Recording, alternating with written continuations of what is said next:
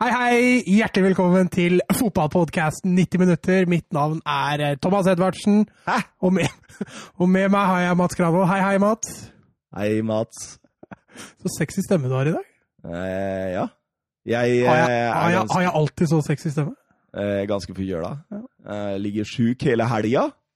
Så eh, det var slitsomt. Ja. Åssen ja. Har forberedelsene gått? da? Eh, veldig dårlig. Så jeg får bare improvisere litt, og så får jeg satse på at dere eh, drar denne sendinga. Det er derfor du starta nå, vet du. Ja, ja, ja. Programleder Mats Granvold. Deilig. deilig. Åh. Jeg likte det. jeg likte det. Hvordan går det med deg, Søren? Nei, det går bra. Jeg er frisk og rask, så alt fint. Du har hatt en fin helg. Søndagen var fin. Søndagen var fin. Lørdagen var det en sånn fotballkamp som ødela litt, men uh, Var det, ja, var det Wolfsburg-hint her nå, eller? Ja, ja, jeg har hatt en dårlig helg sjøl. Altså. Den der jævla Barca-matchen, den uh, Den det, sitter i var, det var nitriste greier. Altså. Ja, ja. Men vi skal vel prate litt mer om det etter hvert. Ja, vi skal vel det. Uh, Søren, det er vel du som starter uh, spalten Ti spørsmål i dag? det stemmer. Jeg har med meg ti spørsmål. Åh, Og så kjører vi akkurat de samme reglene som eh, Thomas hadde sist. Eh, Jeg leser opp spørsmålene. Dere har på et hvilket som helst tidspunkt under spørsmålene lov å si navnet deres, og så har dere første svaret, men da slutter jeg å lese spørsmål. Og hvis dere svarer feil, da kan den andre få lov å svare. Så blir det ett poeng per riktig spørsmål, ingen minus. jeg er så dårlig jeg, på det greia der. Ja, Er dere klare? Må ha minus. Jeg trenger tid for å tenke. Ja, kom igjen, kjør, ja. kjør Søren. Spørsmål 1. For nå finnes det Champions League og Europa League som store klubbturneringer i Europa. Mats, Ja, Inter Toto-cupen. det er feil. Da leser jeg Har ikke spørsmålet. skjønt spørsmålet ennå engang! Fra og med 2021 skal det komme en tredje europeisk klubbturnering som skal da ligge i nivået under Europa League. Mats! Du har ikke lov nå. Hva skal den hete? Thomas har lov til å, eller muligheten til å svare. Jeg har ikke hørt Kan om jeg, det. kan jeg svare hvis han ikke kan? Det kan du vel ikke? Du har jo svart feil. Jo, men jeg fikk det. lov til sist! Du får lov til å kan, kan tjene deg et halvt poeng. Nei, halvt poeng. nei. ja. Thomas, Det er det verste jeg har hørt.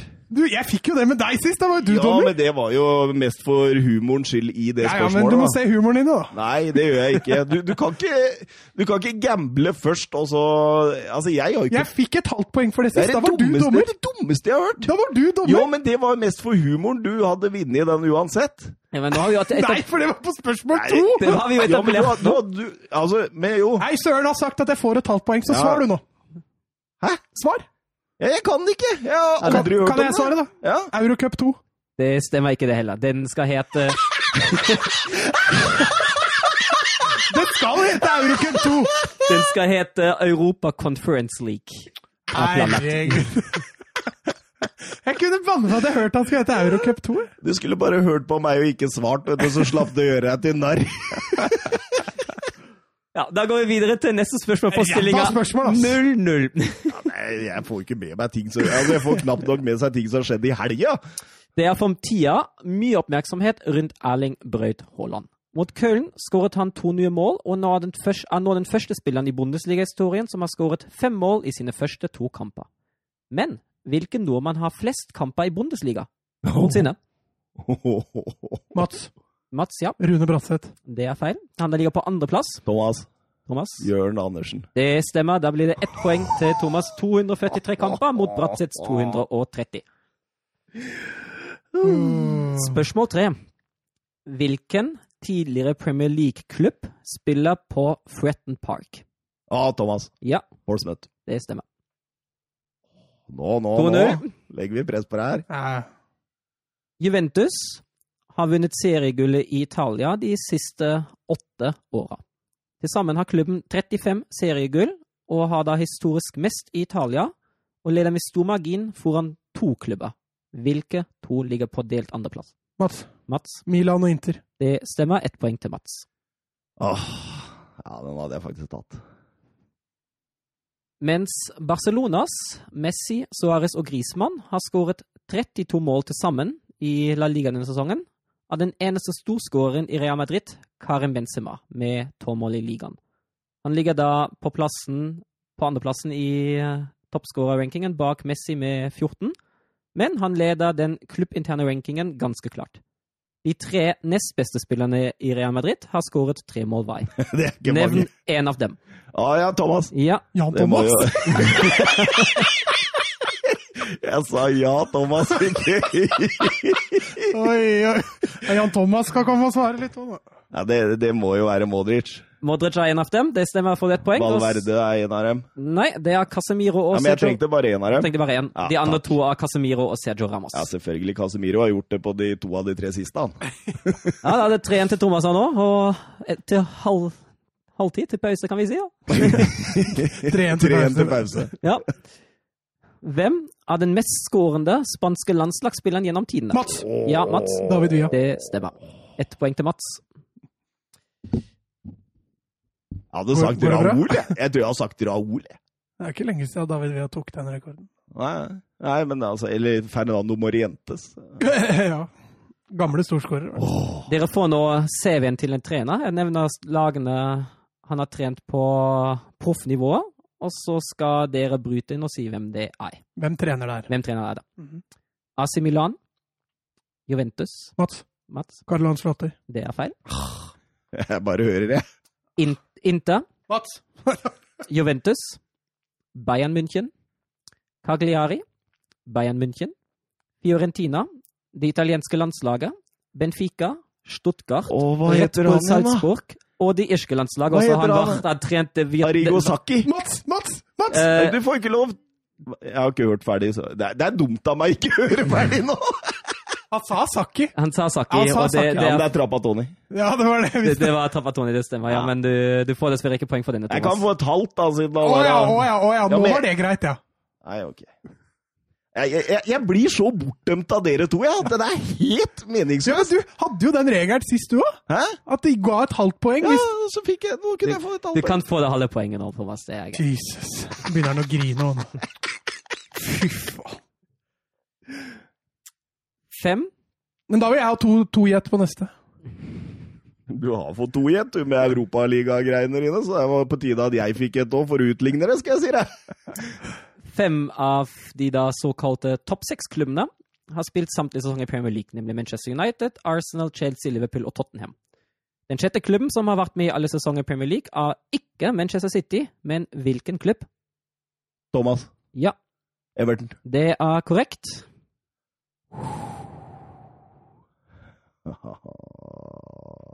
Da er det to spørsmål igjen.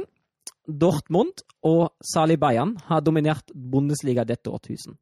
Kun tre andre klubber har klart å vinne seriegull siden år 2000 i Tyskland. Nevn to av dem. Dere har tre gjettinger, men dere må treffe med to. Siden når da? Siden 2000. Mats. Mats, Eh, Wolfsburg. det stemmer. Eh, og Kaiserslautern. Det stemmer ikke, men du har, et, du har en gjetting til. Oh. Siden år 2000. Siden år 2000. Så Kaiserslautern vant sist i 98. jeg er litt blank der, altså. Nei, fader, nå var jeg kjapt ute, altså. Herregud. Si Leipzig, du. Nei. Det sier jeg ikke. Jeg tenker liksom eh, Schalke eller Gladbach, men eh, Nei, jeg sier Gladbach. Det stemmer ikke, det heller. Gladbach har ikke vunnet siden. Da tar jeg Wolfsburg, Ja, det stemmer. og så tar jeg Bayer Leverkosen. Bayer Leverkusen har aldri vunnet seriegull. Ja, da, det, det er sikkert noe sånn knølelag, vet du. Det er, det er sikkert eh, Ja, Schalke. Schalke har ikke vunnet seriegull under Bundesliga heller. Sist var vel på 50-tallet. De Oi, to oi, andre av Werder Bremen og Stuttgart. Ja, Werder Bremen, ja. Ja. Stemmer det. Stuttgart hadde jeg aldri kommet på. Nei. Ja, 2007. Stuttgart. Ja, siste spørsmål. Det er jo EM til sommeren, og jeg gleder meg allerede. Men uh, det er 60 år siden det første offisielle europamesterskap i fotball for herrer fant sted. Hvem vant Oi! i 1960? Første EM. Det Det var en liten nøtt. Her må man bare tippe. Ja. Skal du tippe først, eller? Blei det, ble det avholdt i Sverige? Jeg tror det var i Frankrike, var i i Frankrike, 1960. Men det har jeg ikke skrevet ned. men Jeg tror det var Frankrike. Ja, ok. Thomas. Ja, Italia. det er feil. Ja, da... Nei, Spania har aldri vunnet EM før. Det sto mellom Spania og Italia, men eh, det var dumt å tippe Spania. Tyskland, da! Det er feil. Brasil! Den første europamesteren var storlaget Sovjetunionen. Ja, selvfølgelig. Ja, Så har vi fått riktig på Russland, da, eller? Ja. Hadde det, ja. På Kasakhstan òg, eller? Nei. Hviter- Hviterussland, da? Ja, men da er quizen ferdig. Da, Få høre stillinga. da er resultatet Thomas 4,5 og Mats 2. Så Thomas vant, og Thomas vant da en klementin. Oi, oi, oi, oi! Det passer for meg òg, vet du. Ja, men jeg så det var en klementin, så jeg lot deg vinne. Ja, du gjorde det, ja. Tenkte den har du mye mer bruk for enn meg. Og med det så ønsker vi eh, 90 minutter fotballpodkasten fotballpodcasten åpnet for denne gang. Episodenummer, det pleier du å ha kontroll på, Mats? Jeg tror det er 44. Du tror det er 44, da satser vi på det. Og så kjører vi i gang. Hei!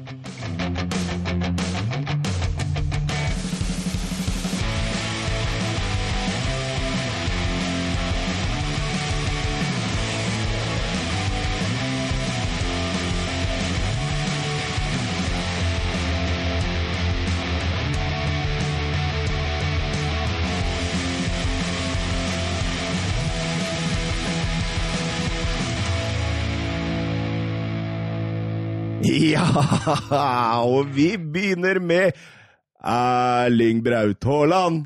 Erling, Erling, Erling Braut Haaland. Hæ, søren?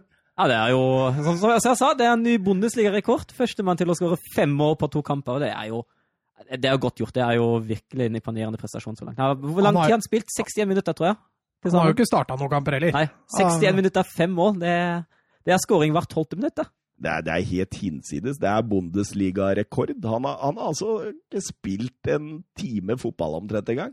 Og så har han satt all time high Bundesliga-rekord. Det er helt vanvittig. Og du tippa ti mål? 10-15, sa jeg. Å, du er ute og sykler allerede, altså. Dette. For, for, for når du ser det Borussia Dortmund-laget, hvordan de angriper, og, og sånt, vi var litt inne på det i siste episode òg, Mats, at det, det er jo som skapt for denne oksen fra Jæren. Ja, det andre målet spesielt han skårte nå sist, det er uh... Det er klasse. Det er i Ja. bakrom, det er teknikk, du, du har altså kontroll på kropp, du har kontroll på ball og for Nei, det er, det er helt fantastisk. Men eh, Søren var litt bitter på meg sist, for jeg ville hoppe rett i Haaland. eh. Så vil du snakke litt om eh, kampen før Haaland kommer hit, da? Ja, altså, jeg syns jo Dortmund har full kontroll på dette egentlig hele veien. Uh, Starter jo greit, da. Ja, Køln, Køln Köln eh, sover akkurat som mot Wolfsburg. Sover de første, første sekundene. Denne gang er motstanderen god nok til å straffe det her. Den Eh, var vel ikke nære at ballen før ballen Nei. gikk i mål? og så var det et pent angrep. av Ja, det var det Ja, Altså- det gikk fort. altså, jeg har lyst til å hylle Mats Hummels litt. Hva han slo av pasninga bakfra da, den kampen, det, det er stort. Han har jo direkte assist på 2-0. Men det er jo dette han er god på. Ja, det altså, det er jo defensivt du kan sette fingeren på han, ikke, ikke offensivt med ball i beina. Han er litt sånn David Louis, ikke sant? Kan Nei, jeg er hakket bedre enn David ja, Luiz jo, jo, defensivt, men, men litt sånn David Louis, Ja. ikke sant? At det kan jo strø pasninger som en eh, som Savi Niesta omtrent på sitt beste, men uh, forsvarer seg også innimellom som eh, Phil Jones. Men han er jo en possession-drøm å ha i laget. Uh, frispillingene bakfra går ofte mye lettere med en Hummels bak der. Altså. Ja, men i hvert fall en, en veldig god kamp av Dortmund. Köln, uh, Köln klarer aldri å, å komme seg inn i det. Vet ikke om de Altså, ser litt sånn Det ser ut som at de kan bestemme seg om de da skal presse eller ikke. og Det blir litt sånn mye, mye lite sammenhengende, da, Synes jeg. Man kan si at man uh, Det er en verken-heller-taktikk, føler Ja. jeg. liksom, altså, Enten så må du legge deg dypt og bare prøve å stenge av, eller så får du stå høyt. Dette ble en ja, det, det er akkurat det jeg mener, ja. ja. veldig mellomting, eh, og det, passer jo Men- Dortmund strålende. Men etter mot sånn lag. 1-0 så ble Dortmund litt avventende, dem også. Ja, det var først på 2-0 at kampen var punktert. Ja, Det er klart, Da var det bare gått en halvtime. Men, men, men, men en ting jeg tenkte på når jeg satt og så denne kampen, her, at eh, den 3-4-3-formasjonen til Favre der Tror dere han tør å kjøre den mot uh, RB Leipzig, mot Bayern München i, og, og diverse sånne? Tror han tør det? For han har Han- defensive svakheter, altså. Men han har jo kjørt den mot et Ja, storlag han, tidligere. han har den kjørt mot Leipzig da de spilte to Ja, Ja, han ja, det, ja. det gjorde, ja, Ja, ja, det gjorde den.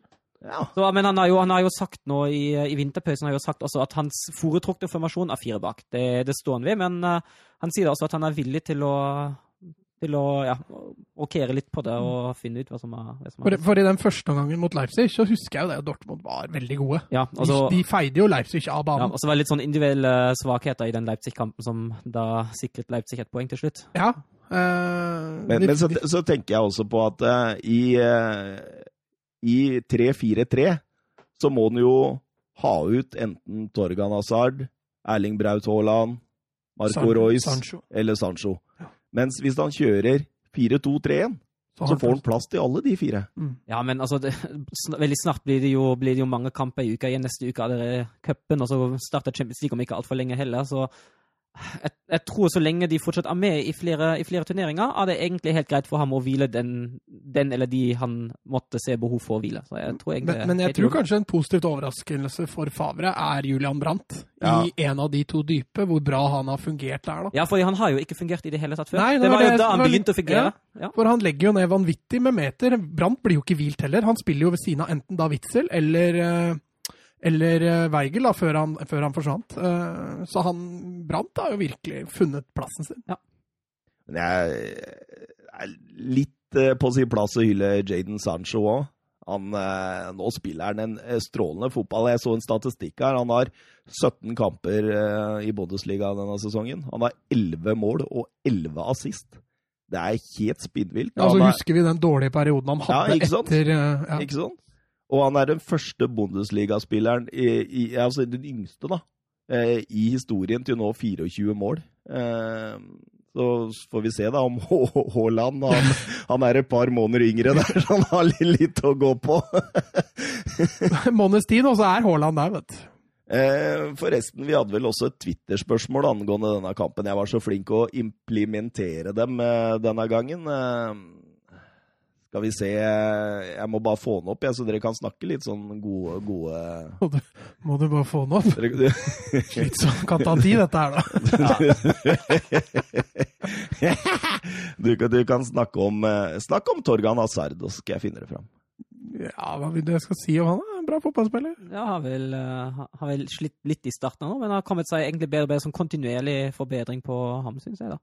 Det som er fint da med Sancho og Hazard, er at de er flinke på begge sider. Han kan rullere, variere mellom å ha Sancho på høyre og Sancho på venstre, og samme går med Hazard. og Den fungerer egentlig veldig bra, begge to. Ja, jeg er helt enig. Og det, det er jo det er egentlig som skapt for, for Dortmund. Didrik Tofte Nilsen han spør oss på Twitter eh, plukker opp tråden fra sist. Haaland, Haaland, står det. Fem mål på under en time. Eh, det er obligatorisk, tror jeg. Med overtid så var det vel 61, som, eh, som Søren Døpker sier her på sida. Eh, burde han gått til eh, PL isteden, Premier League? Altså at Bundesliga er litt for enkelt for han? Nei, det er altså Jeg ser på Søren, jeg må svare på det, du. altså. Ja, altså, det, det- det er jo Altså, jeg vil jo si at han, han blir jo spilt god av laget sitt òg. Altså, det er så klart imponerende, men han fungerer jo bra fordi han har gode medspillere òg. Samt at den faktisk blir brukt i tillegg. Uh, og så må man jo se hva han har møtt. Det er jo Köln og Augsburg. Det er ikke akkurat uh, de største topplagene man kan møte i Bundesliga heller. Så vi får se hvordan det blir utover sesongen, men jeg vil ikke si at Bundesliga er for enkel. Nei, Det gjenstår i hvert fall å se. Det er en nydelig utviklingsarena for den gutten der, tror jeg. Eh, skal vi gå videre? Vi går til Borussia München-Gladbach mot Mainz. Eh, Borussia Mönchengladbach fikk seg inn i trynet ganske tidlig der. Den svenske Quaison eh, dundra inn i et mål etter å ha løpt i bakrom. eh, Men etter hvert så tok eh, Borussia Dortmund mer og mer over. Og nei, Borussia Dortmund, Mönchengladbach selvfølgelig. Og eh, ja, klarte å spille litt eh, Mainz ut av stilen. De, de pressa ganske høyt fra å starte med. Ja, de gjorde det. Og så var de, de var gode på, på gjenvinninga òg, syns jeg. De uh, Ja, det, altså, De Ja. sjokkerte dem litt Ja. i starten der. Altså, det, og de, de spiller egentlig ikke noen voldsomt god førsteomgang, uh, Gladbach. Nei, de har jo, de har jo, de har jo skåringa, og så har de den uh, Turam-avslutninga Turam som treffer undersiden av tverrliggeren. Og så var det egentlig det de hadde av sjanser i første omgang. Ja, absolutt. Men Eh, det blir, jeg syns de blir bedre i andre. Jeg syns det. Jeg syns de, de løfter seg litt i andre omgang. det jo flere sjanser før, før det blir punktert, da, med den uh, drømmeskåringen av uh, Florian Neuhaus. Åh, den der vi, vi snakka om med bilen, eh, Søren. Uh, vi hadde jo to sånne langskudd denne gangen. Den fra Ilicic også for Atalanta.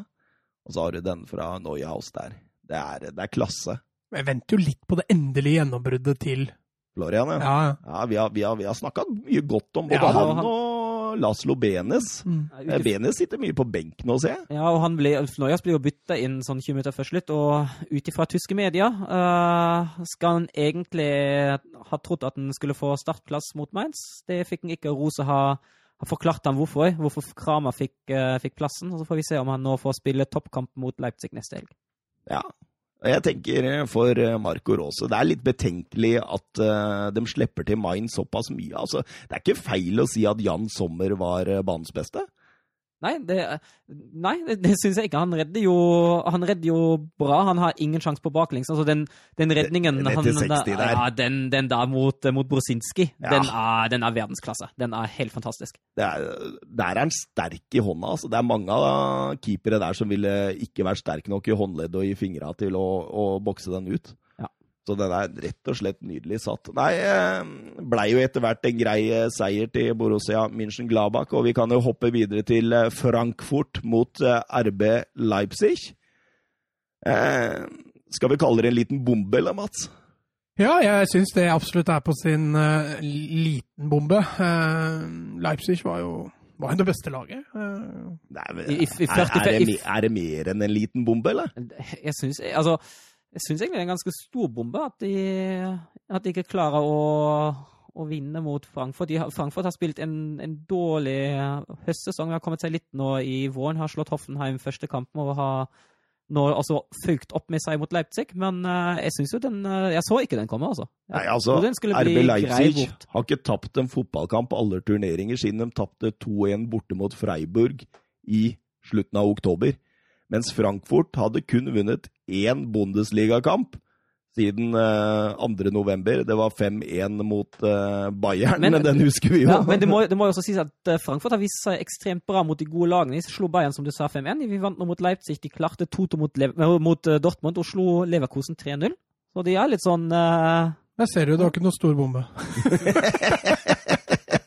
Men eh, når det er sagt, da, hvordan eh, Timo Werner, hvordan Patrick Schick, hvordan Nkunku og eh, gjengen der, Sabitzer, hvordan de klarer å ikke ta både ledelsen 1 og 2 og 3-0, er jo nesten litt rart her i første omgang. Ja, de var jo klart best i første omgang. Det, det var de jo. Og Trapp var jo strålende. Trapp var strålende. Viktig for Frankfurt at han er tilbake fra skade. Ja, det viste den, for å si det sånn. Ja. Så ja, men så blir det jo det fine scoring rett etter pausen, og da Åh, den er så nydelig. Toré Ja. Den Jeg så et intervju med Kostic etter eh, kampen. Han sa Traoré der. Han, eh, det der har ikke jeg sett han gjøre på trening heller. Han- klemmer til der. Og det ballen fyker som et prosjektil opp i krysset bak Gulashi. Et strålende scoring, og det var vel det første Frankfurt hadde ja noen gang der Ja. òg, så da setter du litt premissene, tenker jeg. Da må Nagelsmann eh, tenke litt nytt og Ja, nei, det, det var nydelig. Det Ja, var men så, så klarer, klarer Leipzig egentlig aldri å komme seg tilbake fra den. Det blir meget få sjanser mot et uh, dypt og dyptliggende og kompakt Frankfurt-lag. Og da blir det 2-0 på overtid, og da er kampen kjørt. Og det er nettopp dette ikke sant, Nagelsmann snakker om etter, eh, etter kampen også, at det, det var jo ingen svar. Altså, det var Når Frankfurt tok ledelsen, ikke sant, så spiller jo egentlig RB Leipzig sin dårligste fotball mm. etter det. Han var veldig misfornøyd med mentaliteten til, til spillerne. Han, øh, han var tydelig tydelig sur på at Altså, han mente at de De, de ja, de underordner ikke. Hva mener han? de underordner ikke alt det det å vinne en fotballkamp. Uh, og ut ifra det som har kommet fram til dagens lys i dag, uh, kan det stemme. Har dere hørt om uh, Sheldon Edwards? Nei. Nei, ikke heller før i dag. Det er Var det ellevte spørsmålet, eller? Nei, den er um, det, det er åpenbart en engelsk kjendisfrisør. Og Leipzig-spillerne hadde bestilt ham til laghotellet natten til, natten til lørdag, og ni spillere lot seg klippe fram rett før, rett før kampen. Feil fokus. Fullstendig. Um, og Ragnhild, uh, sportslederen i generelt uh, RB-fotballen, han var lite imponert i dag. Ja, ja. Men de har fått uh, Olmo, da. De har fått Olmo. Olmo, eh, det er et svært spennende kjøp. Det må jeg si. Typisk Leipzig-kjøp. Kjøpe en ung og, og lovende spiller. Og... Ja, men Han har jo vært på blokka til ganske mange, da, så det er litt overraskende at han endte opp i Leipzig for det, syns jeg. Utviklingsarena, vet du. Det er Ja det han sier. ja. Ja, det er ikke sikkert. Det er en grunn altså. til han dro til Jeg- eh, Zagreb òg. Jeg kritiserer på ingen måte valget hans. Det er mer, mer de andre klubbene som sitter på gjerdet her. Petter S på Twitter, han eh, Om han kritiserer noe, det veit jeg ikke, men eh, sett litt på RB Leipzig etter at Spurs eh, trakk dem i CL. Han er jo Spurs-fan, han er, vet du. Ligge lavt, ikke gi dem rom, og kontre på dem er løsningen. Hver gang eh, dette skjer, så sliter de. Eh, står det ikke skrevet i stjernene at dette er en José Mourinho drømmemotstander? Nå har jeg virkelig trua på avansement. Hva tenker du, Mats? Nei, jeg, stå, jeg vingler ikke, så jeg må jo bare stå med stå, stå ved det jeg sa, om at jeg tror Leipzig eh, slår dem ut. Litt av utfordringen her, da, sånn som vi også snakka om, er det at å tippe På det tidspunktet hvor vi tippa, så var jo Tottenham på en veldig nedadgående bølge, mens Leipzig var jo på vei opp. Og, eh, men, men jeg, jeg er Ikke forandra seg så voldsomt. Nei, Tottenham er fortsatt Men jeg må jo si at Leipzig etter vinterferien har jo vært, har jo vært litt daffere, syns jeg. Jeg syns ikke det har vært det helt eh, Men jeg ser fortsatt på, på Leipzig som en bitte liten favoritt, selv om jeg for så vidt er enig med, med Petter S. Altså. Er du enig med Petter S, eller Søren? Ja, jeg er også enig med det, med det Mats sier her. Det, jeg tror Leipzig tar det, uh, men det er, jo, det er jo klart at uh, riktig taktikk mot dette laget er å, å forsvare seg godt og være kompakt og være gode på overganger. Da Og de to romma vi snakka om før Ja. sending her. Altså. stenge av eh, bak og foran, eh, foran forsvarsrekka. Da, da har man en god sjanse. Absolutt, absolutt. Um, Wolfsburg, Hertha Berlin, Søren. Én, to eh, Søren, jeg har et spørsmål til deg. Hvordan er det å bli slått i det 90. minutt av din nemesis Jørgen Klinsmann?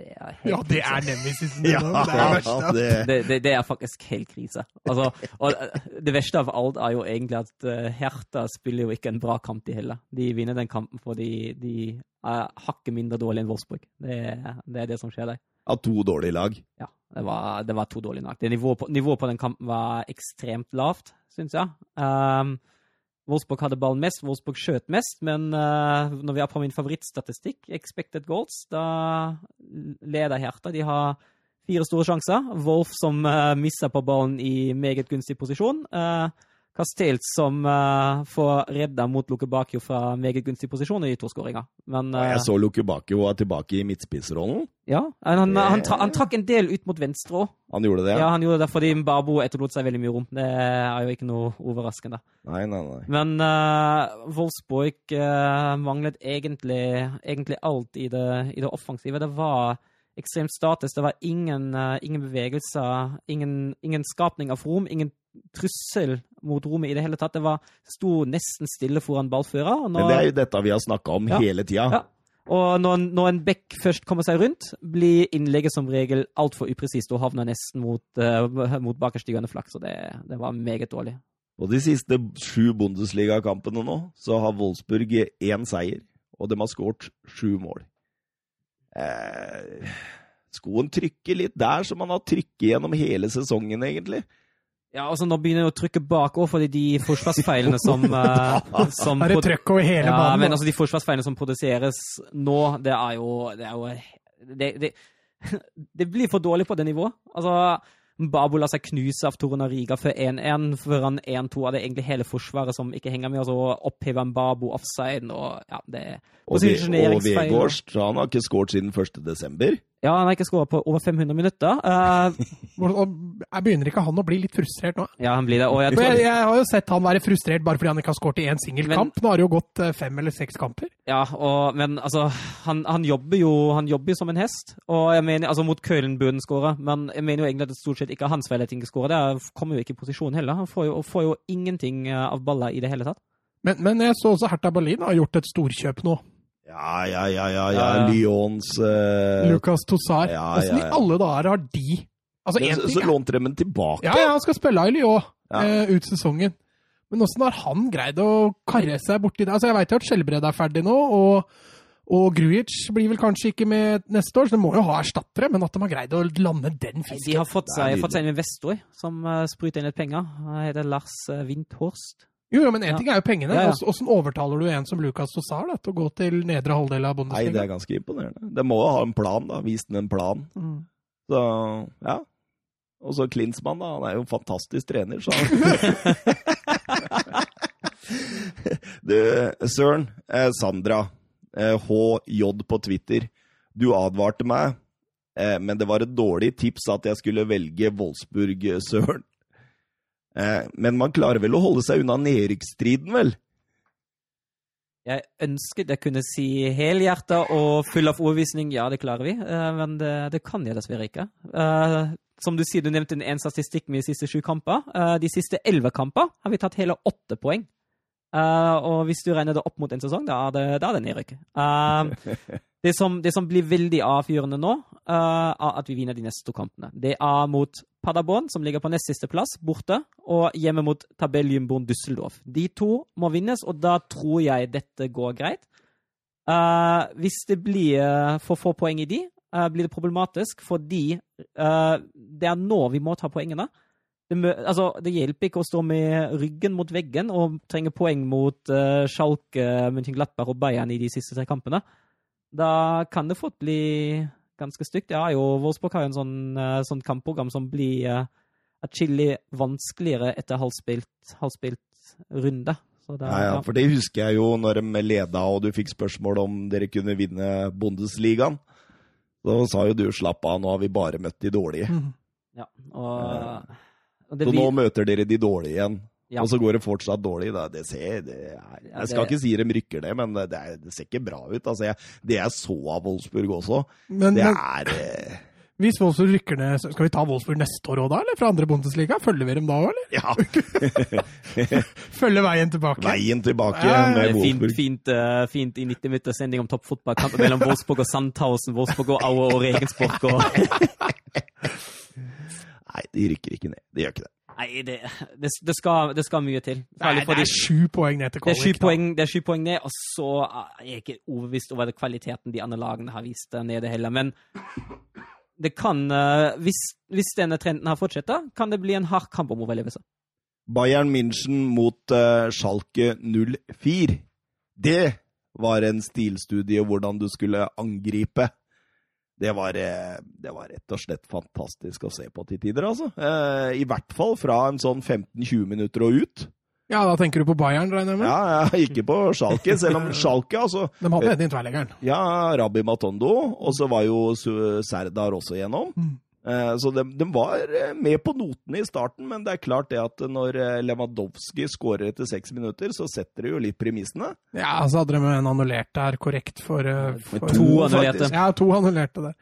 Så dette her, det var jo en fullt fortjent Bayern-seier, og det er, det er litt stilstudie, som du sier, i mye av det Bayern gjør, altså. Eh, Spesielt goalen til Thomas Miller, syns jeg er Å, se det løpet! Ja!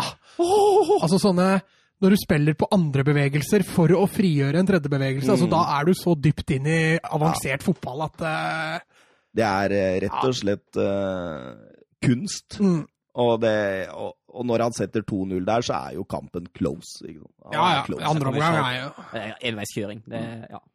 Og Goretzka 3-0 rett etter pause der, det er jo et vakkert mål, det også. Hvor Ja. han rett og slett hva, hva kaller du det? Haltliggende volley? Jeg veit ikke. Vi har et veldig fint ord på tysk for det deg. Å, deilig! Vi Deilig med tysk ord. Daniel det Felix Krankenhaus. vi, vi, vi kaller det for Zeitfeldsida. Å, Seitfallsia? Ja. Fordi du faller, og så trekker du til siden. Og ja. Ja, ja. ja. Seitfallsia. Zeit. Ja, men det var nydelige mål, og vet du hva? Eh, Kimmich, eh, Thiago og, og eh, Goretzka der, de eide midtbanen. De styrte det som de ville. Rett og slett nydelig å se de tre sammen. De passer så godt sammen, de. Med Thiago med disse små flikkene og disse, den kreative kunnskapen. Kimmich som den arbeideren som vinner det tilbake, og Goretzka med all løpsstyrken han har. Det, det, det er rett og slett den perfekte midtbanetrio. Men da, når han spiller sånn som dette, så er det ikke plass til Coutinho, altså. Nei, det er ikke det. Det er ikke det. Nei, det er ikke det. Altså, Da, kan- da må han ut venstre Da igjen. må han ut venstre, og der har han jo ikke imponert whatsoever. Så jeg føler liksom at ja, jeg er enig, den midtbanen der er kanskje best for Bayern totalt Ja. sett, men da blir Coutinho på benken. Da blir Coutinho på. da kommer Coutinho tilbake igjen til Barca i sommer, ass. Ja. Aldri i verden om Bayern betaler én Han milliard kan for spille wingback under Kikkesett igjen. vet du. Ja, det hadde vært nydelig.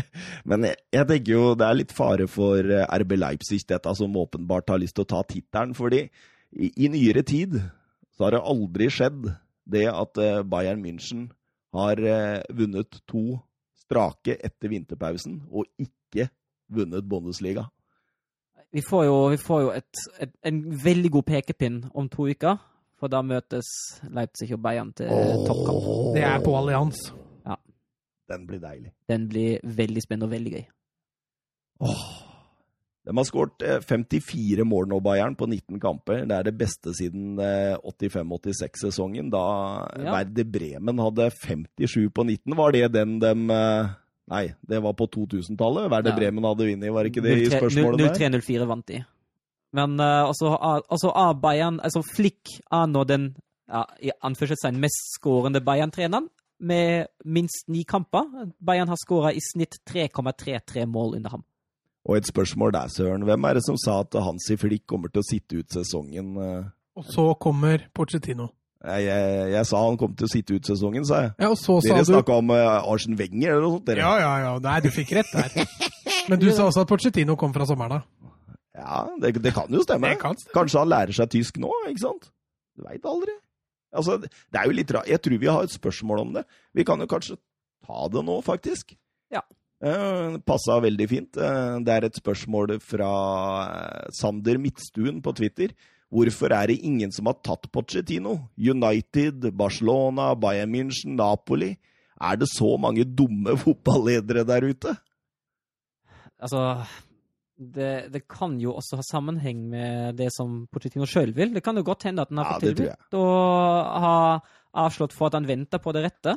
Um, når, det gjelder, når det gjelder Bayern i det konkrete tilfellet, hvis Flick gjør det veldig bra nå til, til våren, skal man ikke se bort ifra at han får, får permanent kontrakt, altså. Det, det er klassisk Bayern å, å belønne gode prestasjoner. Særlig hvis du har en eh, litt sånn tysktalende trener som er litt sånn populær. Og, ja, det, det har vært typisk Bayern å, å fortsette med ham. Men det, det kan jo tenkes da at Napoli at de har spurt agenten, men det har, det har ikke vært aktuelt, ikke sant? Mm. Og Barcelona var jo i samtaler Ja, ikke med sant? Pochettino. Og, men Pochettino har jo tidligere også sagt, siden han har trent Español og for, føler tilknytning til klubben, har han ikke lyst til å trene Barcelona. Ja, så Det er faktor nummer to. da, at Hva er det Pochettino faktisk vil oppi dette? Jeg tror Pochettino vil til United. Ja, Eh, så han ja jeg, og venter tror det, jeg. Jeg tror han sitter og venter på United. Men hva Eh, i alle dager driver United med nå, da? Ja, det spurte jeg om i forrige episode. Ja, for har du fått noe svar i løpet av uka, eller? Nei, jeg drøm, hadde en drøm, da, men eh, bortsett fra det, så Jeg drømte at Solskjær begynte å vinne kamper igjen. Ja, det gjør han ikke, for du har sett de neste seks. Han vant 6-0 over Tranmere, da. Ja, ja, ja. Ja. Phil Jones var på skåringslista. Det tenker jeg, det passer jo bare enda bedre, vet du. Etter et kvarter var han full av gjørme. Phil Jones. Ja, det er perfekt, altså. Han burde spille på Tranmere. da. Nei, um, Leverkosen, Fortuna Düsseldorf, uh, Søren. Ja, sjansesløseri, først og fremst, syns jeg. Um, Leverkosen har litt vanskeligheter med å komme seg inn i kampen. Uh, etter en halv omgang ser dette veldig bra ut. Så er, uh, Kai Havertz tilbake på skåringslista. Skårer nå i to på rad. Ser ut til å, til å komme seg Han begynner å komme seg nå. Ja, ja, Ja, nå begynner han. Ja. Nå begynner han. Det- Og det, det, er, det er gledelig, det er gøy. Eh, og så er det jo veldig mange sjanser, aller flest til Leverkosen, noen få til Düsseldorf. Og at det, at det andre målet først kommer etter 78 minutter, det er jo eh, Det er smått utrolig. Det, det, var, det var mange sjanser som ble sløst bort der. Men, Men eh, en overbevisende Leverkosen-seier til slutt, som uh, nå har møtt uh, nummer 17 og nummer 18 og har kommet seg gjennom de to kampene uten store problemer. Så nå får vi se hvordan det blir når de møter litt bedre motstand. men dere snakker om Kai Havertz og at han er på gang nå, men jeg syns også Demir Bay begynner å spille god fotball nå. Han styrer dette. Jeg har jo venta litt på han Ja. også. Så du corneren hans til 2-0 der? Det er en nydelig slått corner den Bender setter inn der. Mm. Oi, oi, oi. Og så Amiri kom inn og skaffa straff. Jeg syns eh, Diaby Eh, ser jo veldig frisk ut. Eh, jeg syns det ser veldig bra ut offensivt, så får vi se hvordan det holder defensivt mot de aller beste, tenker jeg. Ja, Jonathan tar han, han ordner, han. Ja, han, han holdt på å skåre, han òg. Mats sin favoritt. Jonathan tar ordner dette. Slapp av nå, boys. Ja, nei, men eh, vi kan jo rusle videre over til eh, Serie A, der ingen av lagene som startet runden på topp fire, vant sine kamper. Det har ikke skjedd siden runde 16 eh, i 17-18-sesongen. Så det Ja, store rundevinneren her er jo utvilsomt uh, Atalanta og kanskje Milan, som, uh, som var de store rundevinnerne. Nå skal det jo også sies at to av de topp fire-lagene som du nevnte, møtte jo hverandre. mm.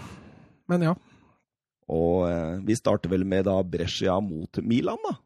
Ja, var det, er det en av Zlatans aller største bom gjennom historien, den han uh, serverer der? Det var i hvert fall, uh, Han skjønte det ikke sjøl, i hvert fall. Hvorfor sa jeg elleve mål, tenkte jeg da jeg så den der. der. Ja, men Ante Revic, kan man si, da.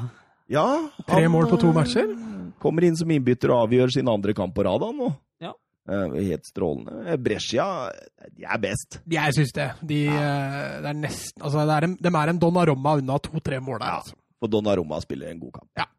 Absolutt. Eh, ekstremt god, flere gode redninger, og, og holder Milan egentlig inn i matchen. Jeg syns også Tonali Han er så nydelig. Ja, han, han- er så nydelig. Han mangler litt på pasningskvaliteten til å være dønn lik Pirlo. Mm. Han, han er en Pirlo in the making. Ja, han er det. Han er det. Han er 19 år. Mm. Og det er helt nydelig å se. Det går rykter om at Inter ønsker å hente han og låne han tilbake nå, så får vi se. Eh, Det går også rykter om eh, Paris Saint-Germain. Det blir jo litt av det samme som de gjorde med Verratti, vet du. At Mm. eh, De henta jo Verratti da han var 19 fra Pescara i 2012 for eh, 12 millioner euro, tror jeg. Jeg tror Tonali blir dyrere, altså. Ja, jeg tror han blir litt dyrere enn det, men det handler jo om årstall òg. Det har PSG penger til òg. Absolutt, absolutt. Ja, eh, Rebic han, han tar den nok en gang. Han, så klabb og ball, ba, ba, Ja, det blei jo klabb og ball, egentlig, når han Ja. sparka han inn eh, mellom beina på en eh, Brescia-forsvarer der, og det holdt, det. Bra forarbeid av Zlatan. der. Retter opp litt av, litt av den bommen han hadde i første omgang. Og det som er morsomt, det er at eh, AC Milan har nå åtte clean sheets denne sesongen. Det er mest i Serie A, det. Og de fire, fire av de kom i de siste fem kampene. Ja, han har fått eh, sving på det defensive etter at han bytta om til 4-4-2. Mm. Eh, han får ikke brukt Suso, da. Og det gjør vel at Suso er på vei til Sevilla i skrivende stund, var det ikke det du snakka om, Mats? Ja, i skrivende stund jeg har lest en del eh, heite rykter, i hvert fall, om at eh, han er sterkt rykta til Sevilla. Det, det vil i hvert fall gagne et Sevilla-lag som, eh, som trenger back, nei, kantspillere som kan fòre Luke de Jong.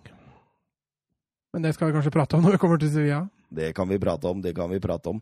Eh, Torino Atalanta 0-7.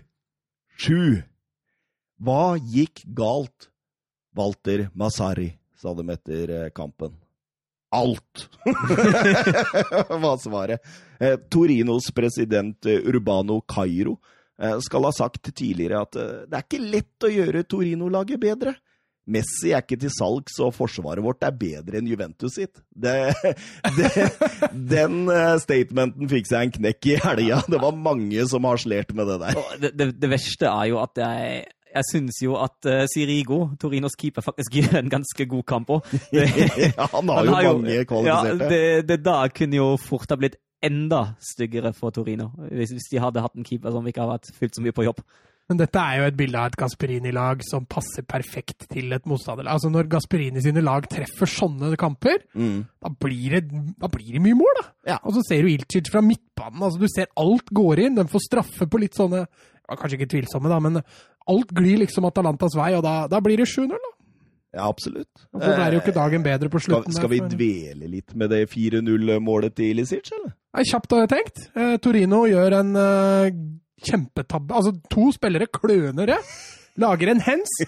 Keeperen står langt ute. At det er noen Atalanta-spillere i, i nærheten. Og in, ingen av Torino-spillere skjønner at oi, kanskje vi skal stå foran ballen, så ikke han får skyte i. Men nei, da, og Ilicic han legger den faktisk i krøsset, han. Ja, han gjør det. Fra midtbanen. Mm. Det er nydelig satt. Hat trick. Eh, estetisk vakkert. Og Duvan Zapata i tillegg greide å karre seg på skåringslista, riktignok fra straffemerket, men eh, Ja, Det blei enda farligere når Muriel kom inn, faktisk. Han, han er ikke helt på G-en da han Zapata, altså. Men eh, Atalanta har aldri tidligere vunnet med sju måls margin i Serie A. Og Torino har aldri tidligere tapt med sju måls margin i Serie A. Så det to fine rekorder der, altså. Ja, absolutt. Absolutt. Eh, Åttende gang i historien at, at, at, at, at, at, at Mohammed Atta. Atalanta har eh, skåret fem pluss. Seks av disse åtte kampene er under Gasperini. Mm. Og det er, det er jo show å se på dette laget, ikke sant? Du har- Nei, nei, men det er jo merkelig, altså. Forrige serierunde, mot Ja. Spal. Ja. Driter seg loddrett ut. Taper nesten så å si fortjent på hjemmebane. Og så drar de til Torino. Og så bare feirer de hjemmebanen. Tenk, tenk hvis de hadde fått stabilitet i de prestasjonene sine. Hvis de hadde klart å løfte bunnivået sitt litt. Da hadde det blitt stort, altså. Men det er litt rart, da, fordi de har mye rutinerte gutter. altså. Det er mye rutine i det Atalanta-laget. Eh, Ja, det er ikke noe ungkalver. Nei, det er ikke det. Så Robin Gaasen gjør nok en gang en god jobb. Ja. Nesten blitt eh, Vi snakker jo nesten om at Robin Gaasen gjør en god jobb hver gang vi, vi sitter her nå. Vi, Og, vi vil ha han inn på landslaget, vet du. ja, det, det hadde jo vært fortjent. Det, jeg, jeg, altså, jeg skjønner ikke at han ikke får vise seg fram, men det får løpt være for. Men nå er, det, nå er det vanskelig å vise seg fram når det ikke er landskamper, da. Men eh, jeg tviler på at han får sjansen når det er nyrende med landskamper. Vi går videre til Inter mot eh, Cagliari. Det er av sine egne man skal ha dem, og Conte har tenkt nå. Nainggolan satt inn eh, 1-1 ti minutter før slutt, Mats. Ja, litt tur der og gikk jo via en spiller som satte Handanovic litt ut av spill, men jeg tror vel kanskje Conte tenkte litt på kanskje det, at eh, feil mann satte den 1-1-gålen der. Ja, for et uh, I første omgangen der så var det jo Laurtuno Martinez som satte inn 1-0 på assist fra Ashley Young. Du sa det sist, at han blir tungen på vektskåla! Han gjør det, vet du! Fordi altså, altså Søren sa til meg i bilen på vei hit at uh, han var jo ganske god. Ja, men det, det ligger i korta, det, fordi Conte han er god med eldre spillere. Han er god til å hente spillere inn i systemet. Han har sett et eller annet der, og så går fotballen seinere i Serie A, og det var først og fremst det Ashley Young sleit med i Premier League på slutten. Så det, det, dette her det kommer til å bli en Altså, du ser jo på Se Chris Smalling, da. Han er jo en av Serie A's beste stoppere. Jeg satt og så kampen mot Lazio nå, liksom. Han herja jo mot Immobile og co. Han, det, det, var helt enestående, liksom. Det var van Dijk i, i, i Serie A, liksom. Serie A's van Dijk. Ja, det er helt uh, nydelig. Eh, de får litt betale her, Inter, for å ikke drepe kampen. Det går litt i det samme monotone tempo hele tida. Jeg syns det er liksom Det vralter og går, men det er ingen eksplosivitet. Det er ingen Altså, alt går i samme takt og tone. Ja, mangler jo også en Brozovic på midten her til å bryte opp litt, eh, spesielt når det begynner å lugge litt. Men eh, jeg er helt enig. Eh, det er ikke noe eksplosivt over Inter, noe sånn schwung. Jeg vet ikke om man har begynt å bli slitne. jeg. Ja, mulig, mulig. Eh, og frustrerte, hvis du ser på Ja, kampen fikk jo en brå slutt der for Martinez, i hvert fall, som blei lynings. Han blei forbanna. Men, men, men, men hva Altså, er ikke det en spontan reaksjon? Er ikke dommeren litt streng med han? Det kommer helt an på hva slags ord han har brukt. Ja, ja uh, altså den reaksjonen... Har det kommet fram hva slags ord Nei, jeg han har brukte? ikke hørt det. Uh, Men, men eh, selve reaksjonen tror jeg dommeren godtar. Jeg tror det er orda som kommer ut der, som gjør at han får det, får det røde kortet bare sånn plutselig. Det er tydeligvis at det er blitt slengt med leppa. Ja, Kanskje det var finsk.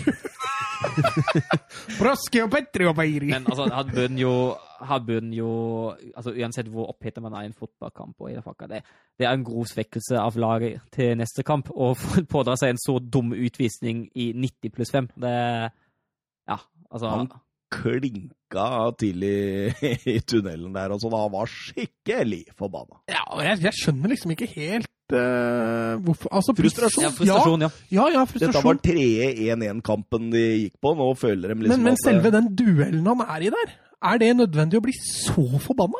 Nei, altså, det er frustrasjon, da. Det er litt av det samme som jeg blir forbanna når jeg blir behandla urettferdig i quizen her. Ja, men det er jo ingen som har behandla deg urettferdig i quizen. Du er jo nærmest Du har griner etter det ene poenget etter det andre her, så du får jo vilja di hver gang. uh, ja. Det var, det var dine ord. Uh,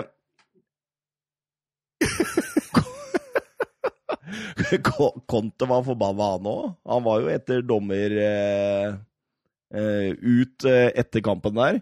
Fløy etter den sammen med halve spiller... Eh, så det er tydelig at de følte seg bortdømt, altså.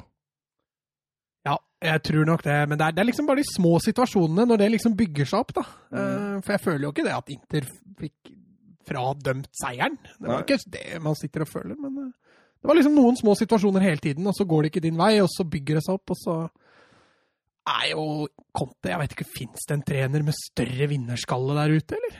Du ser det koker. Det koker innvendig i Conte. Han blir så forbanna. Eh, Laget presterer ikke sånn så, så bra som han ønsker, og i tillegg så, så går ikke resultatene veien. og Da, da brygger det seg vel opp litt sinne der.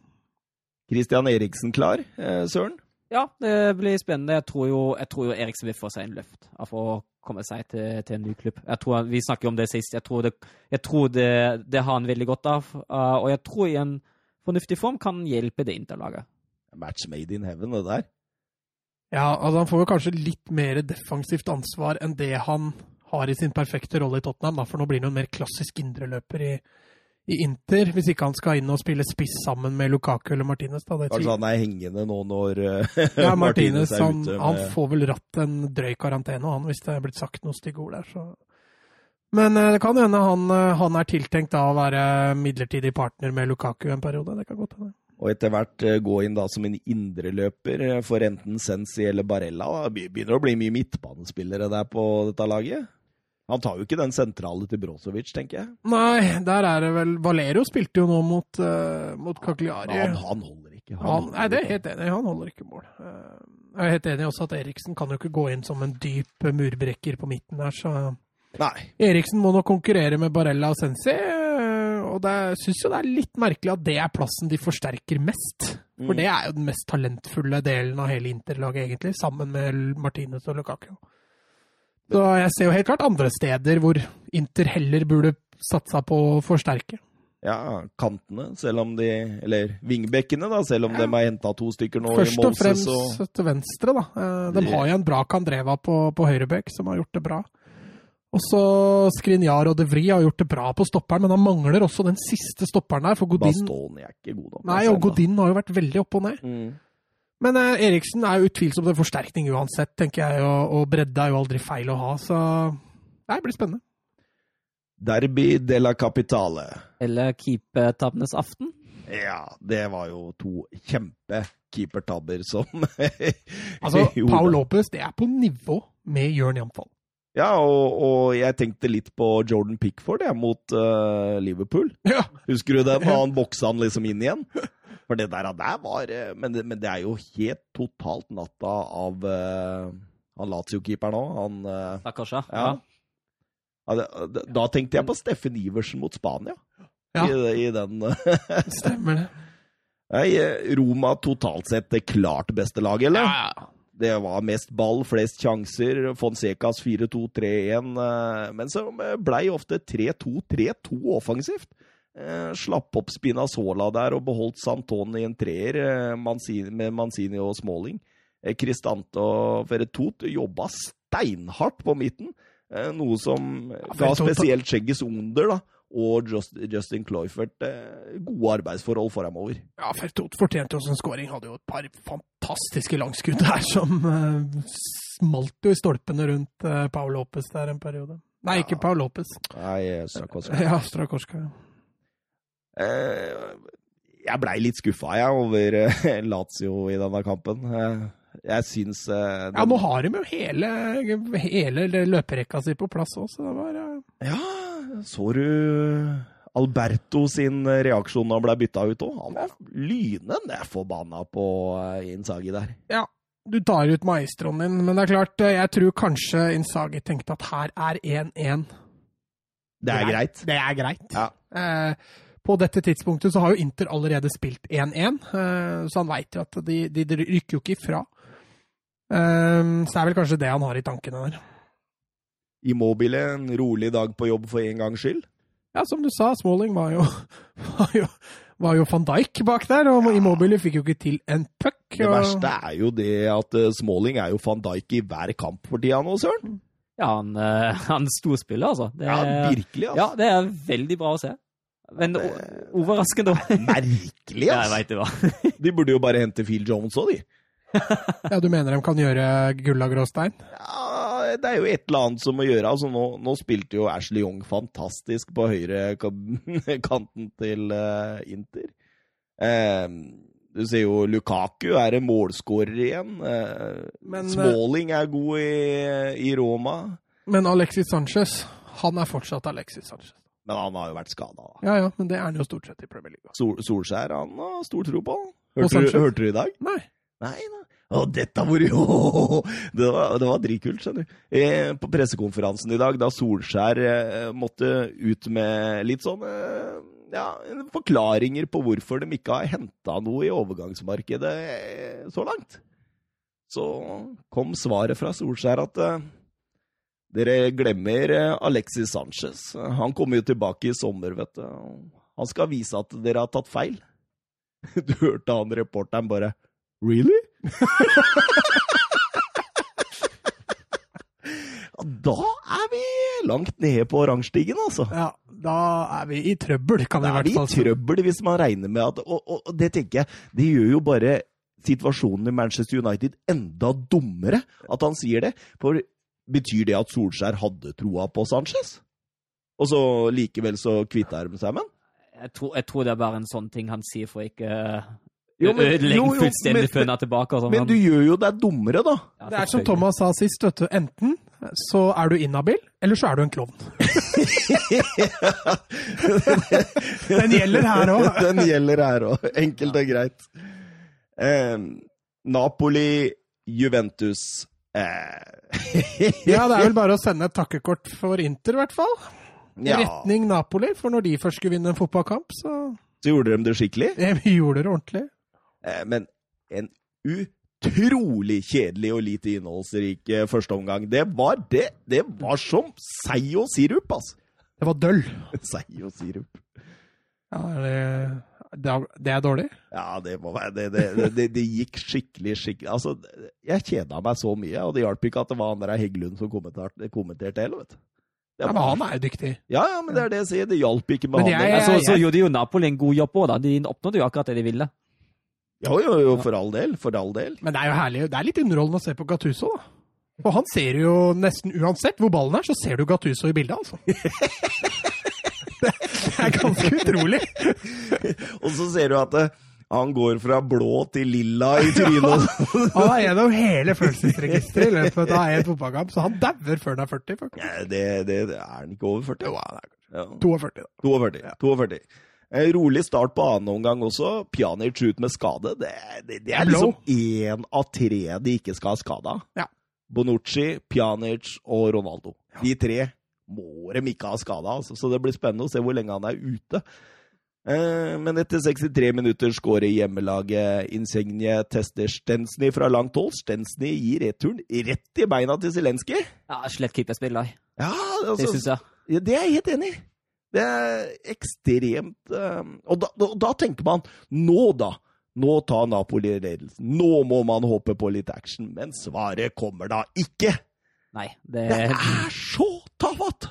Jeg syns, jeg syns Juventus skuffer den kampen her. Altså. De, Skuffer, ja. Ja, de, de klarer jo aldri å finne en løsning mot dette Napoli-forsvaret. Napoli for sin, altså på sin side, jeg syns Napoli gjennomfører en strålende fotballkamp. Uh, ut ifra hvordan det har gått med dem, ut ifra hvordan, uh, hvordan stemningen uh, rundt det laget er for tida, syns jeg de gjør akkurat det rette, og de får full uttaling for det. Ja, ja, ja. Det er bare å hylle Napoli. Altså, Juventus har fem strake seire på rad, og Napoli Det er ingen Serie A-lag som har tatt mindre poeng de siste sju kampene. Så det er klart det at når Napoli vinner denne kampen her, så er det jo bare å bøye seg i støvet og si godt jobba. Er det starten på Gattusos eh, æra? Nei. Nei. Nei det, de møtte et ekstremt dårlig Juventus-lag. Det, altså, Juventus har jo ikke imponert sånn supermye, men dette var bunnivået til Juventus. altså. Det virka ikke som de reagerte før Ronaldo sa 2-1 der på slutten. Da Higuain prøvde seg på straff, brassespark der og litt sånn på slutten. Men eh, nei, det der er her Juventus. Eh, nå vinner Inter eh, serien, altså. Ja, Nei. Søren, jeg har aldri hørt deg så bastant på noe noen gang, så jeg kommer til å le hele veien til kjerka. Å, kjerka! Skal du gifte deg, eller skal du dø? Eller konfirmeres, kanskje. Skal vi hoppe over på La Liga, eller? Ja. Eller var det noe Twitter-spørsmål? Har jeg, har jeg surra litt her, Nei, eller? jeg tror ikke det. Nei, ja, det, folk bryr seg ikke om Serie A. Nei, da. da går vi videre, og så går vi videre til La Liga, og der bryr folk seg. I hvert fall du, Mats. Mats bryr seg i hvert fall. Det, Mats bryr seg, og du så Sevilla mot Granada. Ja, selvfølgelig gjorde jeg det. Du så Luke de Jong sette 1-0 etter 11 minutter. I Ja, et klassisk det- Luke de Jong-mål. Altså, det Altså, dette har jo vært noe Luke de Jong har savna litt, tror jeg. Altså, Blitt fora med litt innlegg. Eh, De har en tendens til at de skal bruke kantene, men gjerne da inn bak bekkene, og så skjære inn. Og da kommer jo ikke Luke de Jong helt til sin rett, men her kommer han absolutt til sin rett. Altså. Nydelig innlegg av Navas. Absolutt. Og 2-0 er jo også vakker. Ja, Regulon drar opp, eh, drar opp på venstresida, slipper han til Nolito, som har en ja, skal vi kalle det en liten Messi-avslutning med en sånn chip over, eh, over beina på keeperen. Så det var, eh, det var vakkert. Ja. Eh, Sevilla feira bursdag di, eh, Søren. Gjorde de det, ja? Ja da, ja da. 130 år på dagen. ja? Gratulerer med dagen. Og de må jo si at de, bef eh, altså de feira med tre veldig komfortable poeng, vil jeg si. Ja, De var jo klart best på banen der. Eh, Granada har jo, har jo ingenting i, i første omgang. Så har de noen sånne halvsituasjoner etter dødballer i, i andre enn største. Den, den konaen rett, et, rett etter pausen, tror jeg, hvis jeg, husker, hvis jeg ikke husker feil. Så det var, jeg syns det var helt fortjent. Jeg syns eh, Julian Lopetegi eh, har fått en god balanse i laget. Ja. Altså det er veldig sånn, De slipper til få sjanser, de har gode duellspillere i boks med Carlos og Condé. Det var vel eh, Sergio Gomez vel som spilte denne gangen. Tidligere, tidligere Barca og ja, ja. Celta Vigo. Bekkene med framover Navas region, balansert midtbane, og krydrer det litt med Lucas Ocampo, som jeg syns er en artig type. Ja, altså Det hjelper veldig med Ocampos. Han har vært bra i år. Nå er de jo også, som vi nevnte, sterkt rykta til Suso. Eh, det er noe som vil gange Luke de Jong kraftig. Eh, den eh, tilretteleggingsfoten hans Mm. tror jeg vil være helt gull.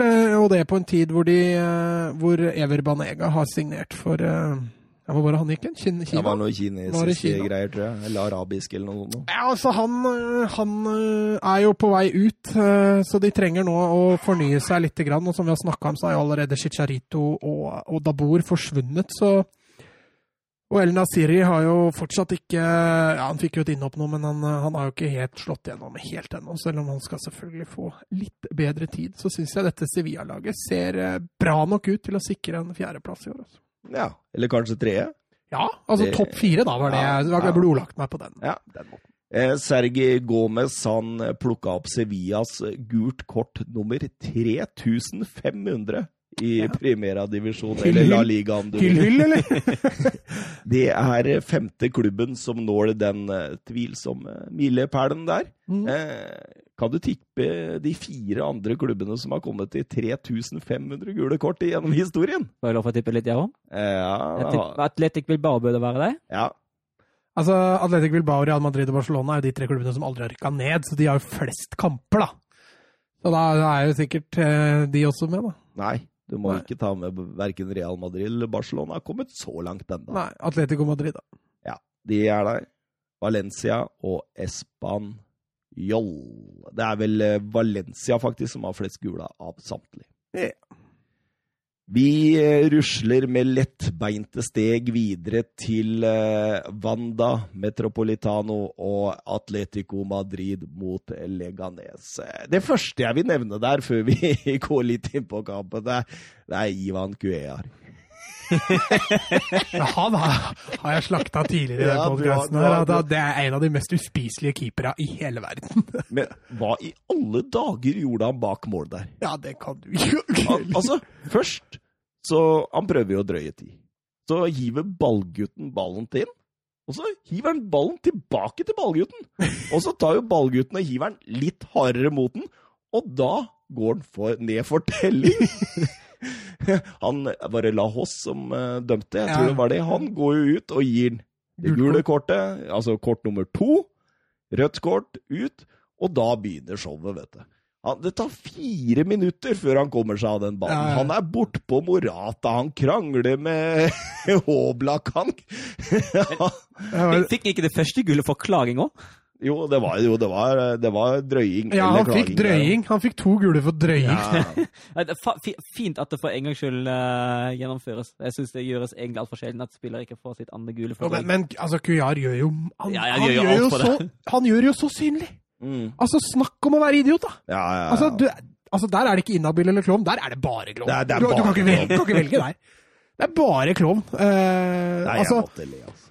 Han ødelegger jo totalt rytmen i sluttpartiet der, eller sluttminuttene der, så det er klart at Leganes vinner jo kanskje altså, Jeg vet ikke hva dere scora, men, De kunne spilt 270 minutter uten å skåre i den kampen der. men uh, han får jo på en måte vilja si litt med at dette ebber ut i 0-0, men han får jo straffen sin med at dette kommer han må jo selvfølgelig sone sone neste match. Mm.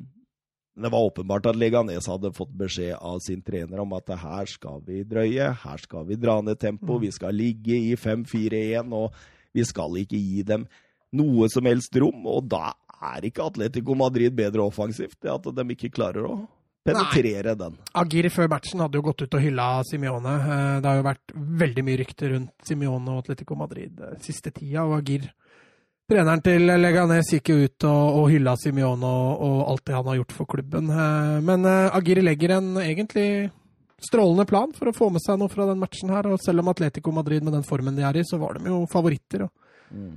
Greier jo knapt nok å skape noe som helst. Altså. Det er sjokkerende. Det er nitrist. Altså, jeg visste jeg, den kampen her endte 0-0, og jeg skulle se den i opptak. Denne Mm. kampen drøyde jeg og drøyde og drøyde med å se den i opptak. Hadde ikke lyst til å kjede meg i to timer, for dette var eh, snorkefotball. Altså. Altså, det, det er liksom det at eh, Altså, du så kanskje hvor avhengig de er av Trippier da, tidligere. I, han I sånne er, kamper, i Ja, hvert fall. for han er mye flinkere til å ligge oppe og støtte helt oppe. Du så nå når han eh, Hva er han heter, han Vasjelko. Ja. Han er ikke like offensivt, ikke like mye med. Og da Det er jo én ting, men når du i tillegg da kan levere et produkt, da. Ja, ja. Vasjelko offensivt kan jo ikke levere det produktet. Nei, ikke sant? Ikke sant? Ikke sant? Og Lodi synes også han er for lite med offensivt, egentlig. Jeg syns liksom Thomas og Jorente, Thomas Party, eh, vel å bemerke, de, de står og spiller fotball veldig mye. Eh, Felix og Morata altså Felix trekker, trekker dypere og dypere og dypere, og Morata Jeg, jeg ser han ikke på et bakromsløp, omtrent. Nei, eh, det kan du si. Gjennombruddshissigheten til Atletico Madrid i den kampen her er jo veldig lav. eh, Men det handler jo litt også om at Leganes ligger mye lavt. Men de utnytter jo svært dårlig de få gangene de har mulighet til å utfordre bakrommet. Og hvis det kommer en ball i bakrommet, så er det mot cornerflagget. Og det blir jo minst mulig farlig. Da må du allikevel begynne å angripe litt på nytt hver hvis du vinner en ball. Ja, Så. og, og så hvis du ser hvis f.eks. Felix eh, fører ballen eh, Han har Morata kanskje med seg på høyre eller venstre, eller noe sånt. Nå. Se midtbanen. De lunter en 20 meter bak dem, liksom. Mm. Det er ingen som kommer og, og Da skaper jo ingenting. I hvert fall ikke mot et 5-4-1 som bare er opptatt av å ødelegge. Ja, altså Han prøvde jo litt nå den matchen her, Simione, med en slags 4-5-1, 4-3-3-type lignende formasjon. Felix litt ut venstre, Korea eh, litt ut høyre. Jorente ble bytta ut til pause for tredje gang i år, på fire starter. Så han Mm. er jo helt natta. Der har jo Atletico Madrid gjort et ordentlig bomkjøp, virker det som. Eh, Så han har litt å jobbe med. Nå, som nevnt tidligere, så er jo Kavani nå rett rundt hjørnet. fra- Men hjelper det? i en sånn kamp som det her, så tror jeg ikke de hadde hjelp. så Nei, det veldig ikke, mye. Eh, De er nødt til å flytte fram flere folk. De er nødt til å ha litt bedre offensiv samhandling for at de skal greie å bryte ned et sånt eh, Men forsvar. altså, kanskje det kunne hjulpet hvis du hadde satt Kavani opp sammen med Morata og flytta Felixen ned i en offensiv rolle på midten eller et eller annet sånt, men det tror jeg ikke Diego Simione har baller til å gjøre. Da setter han Felixen ut på en av kanta. Det, det tror jeg han kommer til å gjøre òg. Jeg tror Felixen og Og så vil han enten bruke Saul Nå er KK også tilbake igjen i trening. Har jo spilt bare én kamp siste, siste drøye måneden.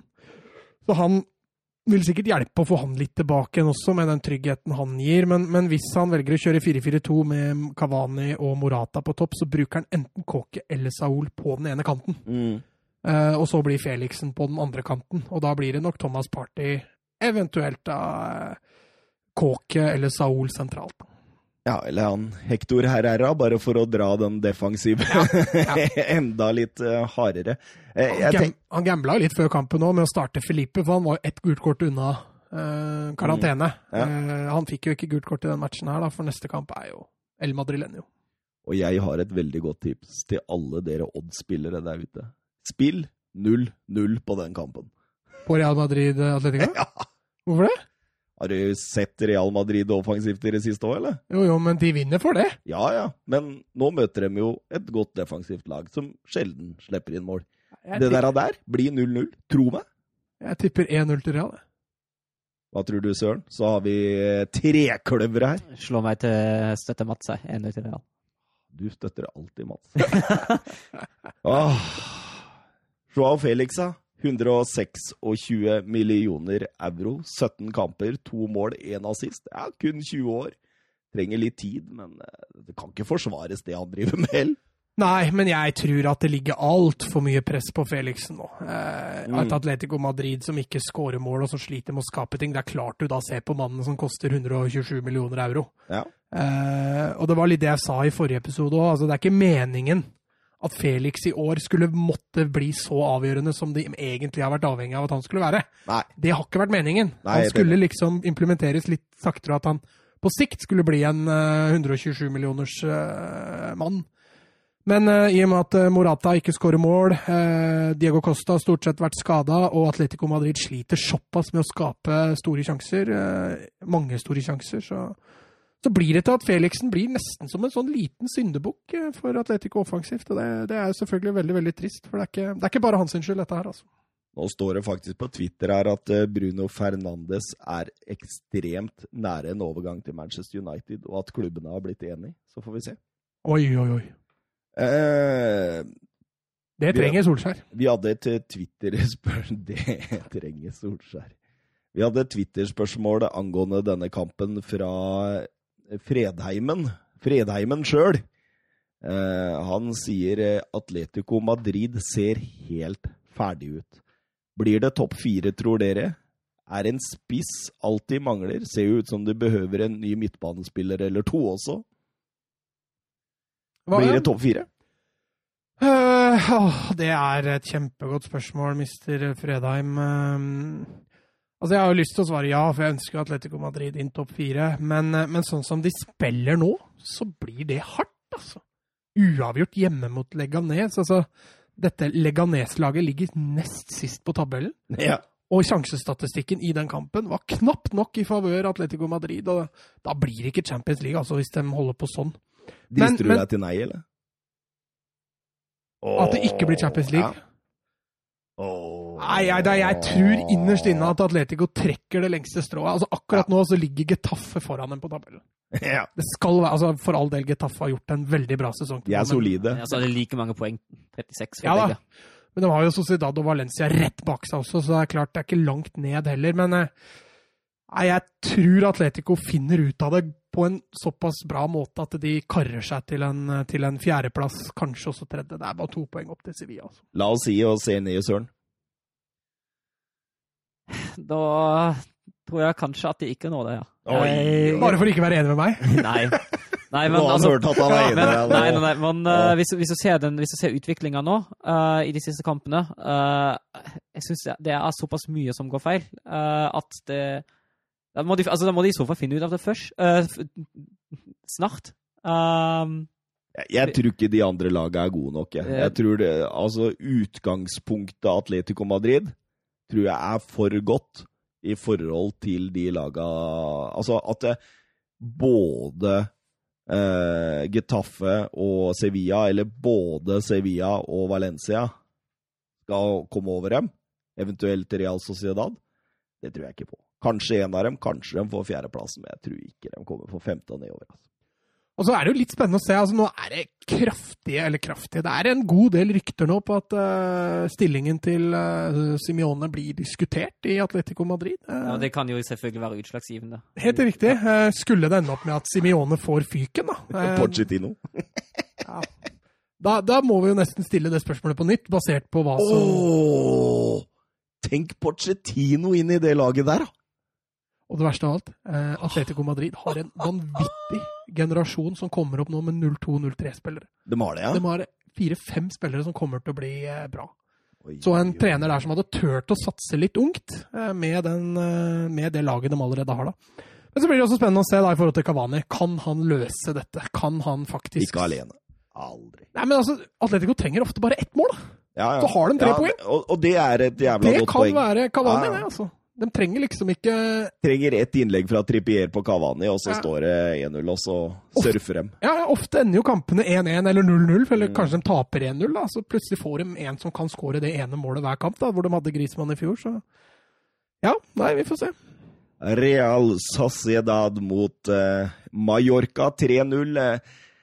Sy Tok, tok en omgang. ja, det gjorde det. Jeg syns liksom den første omgangen bar preg av forrige kamp. At det var litt sånn Og så gira de litt opp i andre omgang, og da så du Ja, ja. mye bedre ut. Men Altså, Mallorca ble jo kraftig slengt ned i bakken igjen etter å ha vært oppe, høyt oppe forrige serierunde. Men, men eh, altså, den fikk en drømmestart på andre omgang. mm. Det tror jeg var litt uh, avgjørende for resten. Ja, og, og samme som uh, var det vel uh, Hvem var det som skårte uten at Jo, Borussia Dortmund. De skårte jo uten at uh, motstanderlaget Ja, ja, ja. Og det samme skjedde jo i annen omgang her. Ja, Rett fra avspark. Rett fra avspark til Alexander Isak og 1-0. Mm. Martin Ødegaard holdt på å gå i veien. ja. Men det, det, det har vært litt sånn med Martin Ødegaard nå et, etter 2020. Ja, altså, den kampen her òg. Ja. Altså, han, han spiller jo ikke så dårlig som mot Betis, men det, da er vi lett tilbake igjen litt på den der med at Sociedad leverer en OK kamp. Er Martin Ødegaard også bare OK. Ja. Han, er liksom, han må liksom følge, følge strømmen. ja, jeg syns han nesten var litt under OK, jeg. Jeg synes ikke Han han var ikke noe toneangivende, i hvert fall, men han gjør seg jo ikke bort. Nei, og han har skuddet som gir eh, 3-0 der eh, Ja. på Porto, ja. Portu. Men ellers eh, ikke mye å snakke om. Mallorca sto ikke ut. Ja, det ble vel et sjølmål på 2-0, men eh, det var ditt supertalent, det, som uh, skøyt det på Ja, ja, 2-0. han jeg aldri tør å uttale. Baranece. Baranece. Ander Baranece. Han eh, begynner å få litt mer tid nå, ser jeg. Ja, han, men det, er nå går det jo litt på bekostning av at William José satt på tribunen. Ja. Eh, Sociedad avslutta jo matchen uten spiss. Ja, stemmer det. stemmer det. Eh, fordi de de tok ut driver og forhandler med Tottenham Hotspur om en overgang der. Ja, du sa jo i stad at det var veldig langt unna, så vi får se hvor det ender opp hen. Men skulle William José dra til London, så har de faktisk bare Alexander Isak som et uh, rent spissalternativ. Altså. De har ikke noe De har selvfølgelig, noe, har selvfølgelig noen gutter, Ja. men eh, du så jo i den kampen her, når du leder 3-0, hadde du hatt en unggutt og hadde hatt litt trua på, så hadde du kasta en annen. Ja. Og det gjorde de ikke. De hadde jo ikke noen gutt på benken heller. Så. Real Valladolid mot Real Madrid. Real Valladolid har kjøpt Tatem Ben Arfa, eller henta. Stemmer. Vet du hvilket nummer han har fått? Nei. 99. Vil du tippe? Eh, Ikke tipp 99, tipp noen. eh, 66. Nei, 99. Nei da. han har ikke fått det. Han har fått nummer tre. Oi, oi, oi, oi, oi, oi, oi. Det legendariske nummer tre-tallet i Valladolid. Var det ikke noe sånt Lillestrøm hadde vel en Var det keeperen hadde nummer to, og var det, var det noe sånt noe? Det var før min Magnus så. Kielstedt. Men- Han fløy rundt med nummer to på drakta si. I Wolfsburg hadde Niklas Bentner nummer tre, det husker jeg. Ja, ja, ja, ja, ja. Wolfsburg og Niklas Bentner. Hva var det, Det var han har starta opp nå? Jeg leste noe om det at han har slutta med fotball og begynt noe businessgreier. Han, han, han, har det, ja? Jeg vet ikke om Han slutta med, han har i hvert fall ikke kontrakt med noen, så han hadde begynt en ny business. Jeg trodde han skulle ta over for Suárez i Barcelona, jeg. Ja, jeg krysser fingra for at det ikke skjer. Eh, Nei, vi går over på eh, Real Madrid der, som eh, det var langt ifra noe fyrverkeri på Estadio José Soria i det hele tatt. Det var egentlig rett og slett Dørgende. Kjedelig. Ja, de skaper jo ingenting i første omgang. Null og niks. av Nei, de har null skudd på mål òg. De har faktisk null Ja, Da snakker du om Real Madrid? Ja. ja for Valladolid hadde ett? Ja, det var noe sånt noe. Ja, det er to. Det var det corner rett på mål, og så var det innlegget som også gikk på mål, begge ganger redda av Courtois. Og det regnes som skudd på mål? Ja, jeg vet ikke, altså når keeperen må gripe inn for at det ikke går inn, tror jeg kanskje. Og det regnes det som skudd. Ja, jeg tror det. Vet tilba tilbakespill? Men det er jo ikke skudd på mål. Nei. Nei, det regnes ikke. vet du hva, når sist Real Madrid eh, gikk en hel omgang uten et skudd på mål? Skal du, kan vi si årstall? Holder det? Ja. Eh, Er det på 2000-tallet? Ja. 2015. ja. Nei, Åh, sier du måned nå? Si måned nå. Hæ? Si måned nå nå. Måned hvor Real er- pleier å være dårlig. Eh, oktober. Desember. Desember. Mot Villarreal. Tar du og skriver ett poeng på Mats der? Da leder Thomas fortsatt med fire og et halvt mot tre. Jo, ja, men vi nærmer oss. Vi tar innpå. Vi tar så, Sorry, jeg får den halve ennå. Eh, det kunne fort endt 0-0, dette, men tolv minutter før slutt så slår Tony Cross et eh, nydelig innlegg på Nacho Fernandes, som eh, setter eh, nydelig med hodet helt ned i hjørnet på Joel Matip der. Ja. Ja, det er litt sånn ah. Casemiro holdt på! Han holdt på å få sitt tredje mål på to Ja. kamper der. Det var det som var annullert, eller? Hårfint offside. Ja. Eh, Ja, fin skåring av Nacho. Det går litt mellom hver gang han skårer, men det er for litt, det går litt mellom hver gang han starter òg. og det er jo ingen av de offensive Real som skårer mål for tida. Nei, altså Benzema var ute med skade, og når han nå er tilbake igjen, så har han vært litt mer eh, vaksinert. Altså vaksinert, altså det er kanskje litt feil å si det, for han kommer jo ikke til så mange sjanser heller. Ja, men hva med de andre? Hva med Tony Cross? Hva med Modric? Hva med Rodrigo? Hva med Venitius? Ingen skårer jo. Nei, men det går jo Hazard altså, han sitter jo fortsatt og spiser burger på Møkkeren.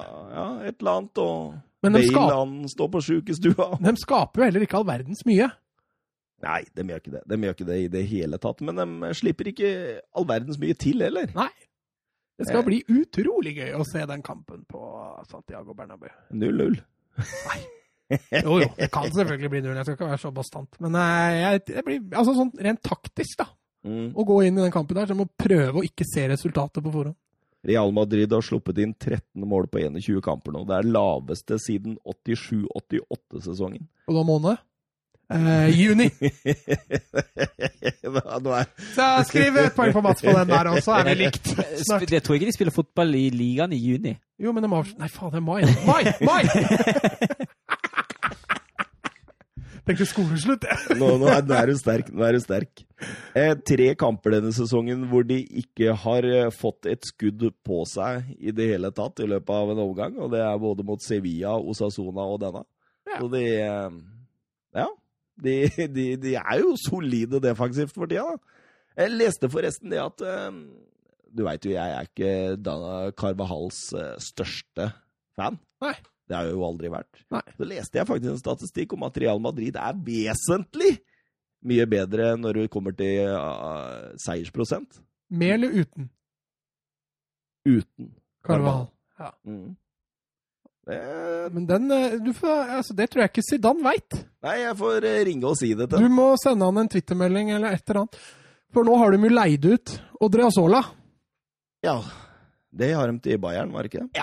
Så de har jo ikke så veldig mange alternativer på, på den bekken. Jeg veit ikke om de klargjør en retur av Hakimi til sommeren. Altså. Han er god. Han er god. Jeg tok en slurk vann der. Han er god, Søren. God på, veldig god på det offensive. På det defensive er litt sånn uh, Litt sånn Carvahal. Litt sånn, litt sånn Ja, Carvalho. passer litt inn i stilen der, faktisk. ja. Men da har du Varan, da, vet du, og redderen. Eh, Ja. ja. Skal vi over på det Mats har gleda seg mest til i dag? Quizen. Eh, Jeg tenker kanskje hovedkampen, Mats. Ja. Vitsen endte sikkert like bra som hovedkampen. Skal jeg bare nevne, nevne Getafe? det var tomålstap, var det? nevne Getafe to og et halvt målstap? Nevne Getafe Betis òg, eller? Betis som fikk et litt klønete rødt kort der, men eh, Ja, du kan, godt, du kan godt nevne den. Jeg har ikke sett den. Getafe smøg seg opp på, på eh, fjerdeplassen nå, og er faktisk på Champions League, hvor de lå flere runder i fjor òg. Jeg har vurdert å ta dem med, men da blir programmet enda lengre. Så jeg har liksom bare Siden de spiller en så gampedrillosk fotball, så gidder jeg liksom ikke å ta dem med. da. Men Ja, Betis er gøyere. Jeg nevnte dem. Ja, du, det er lov å nevne.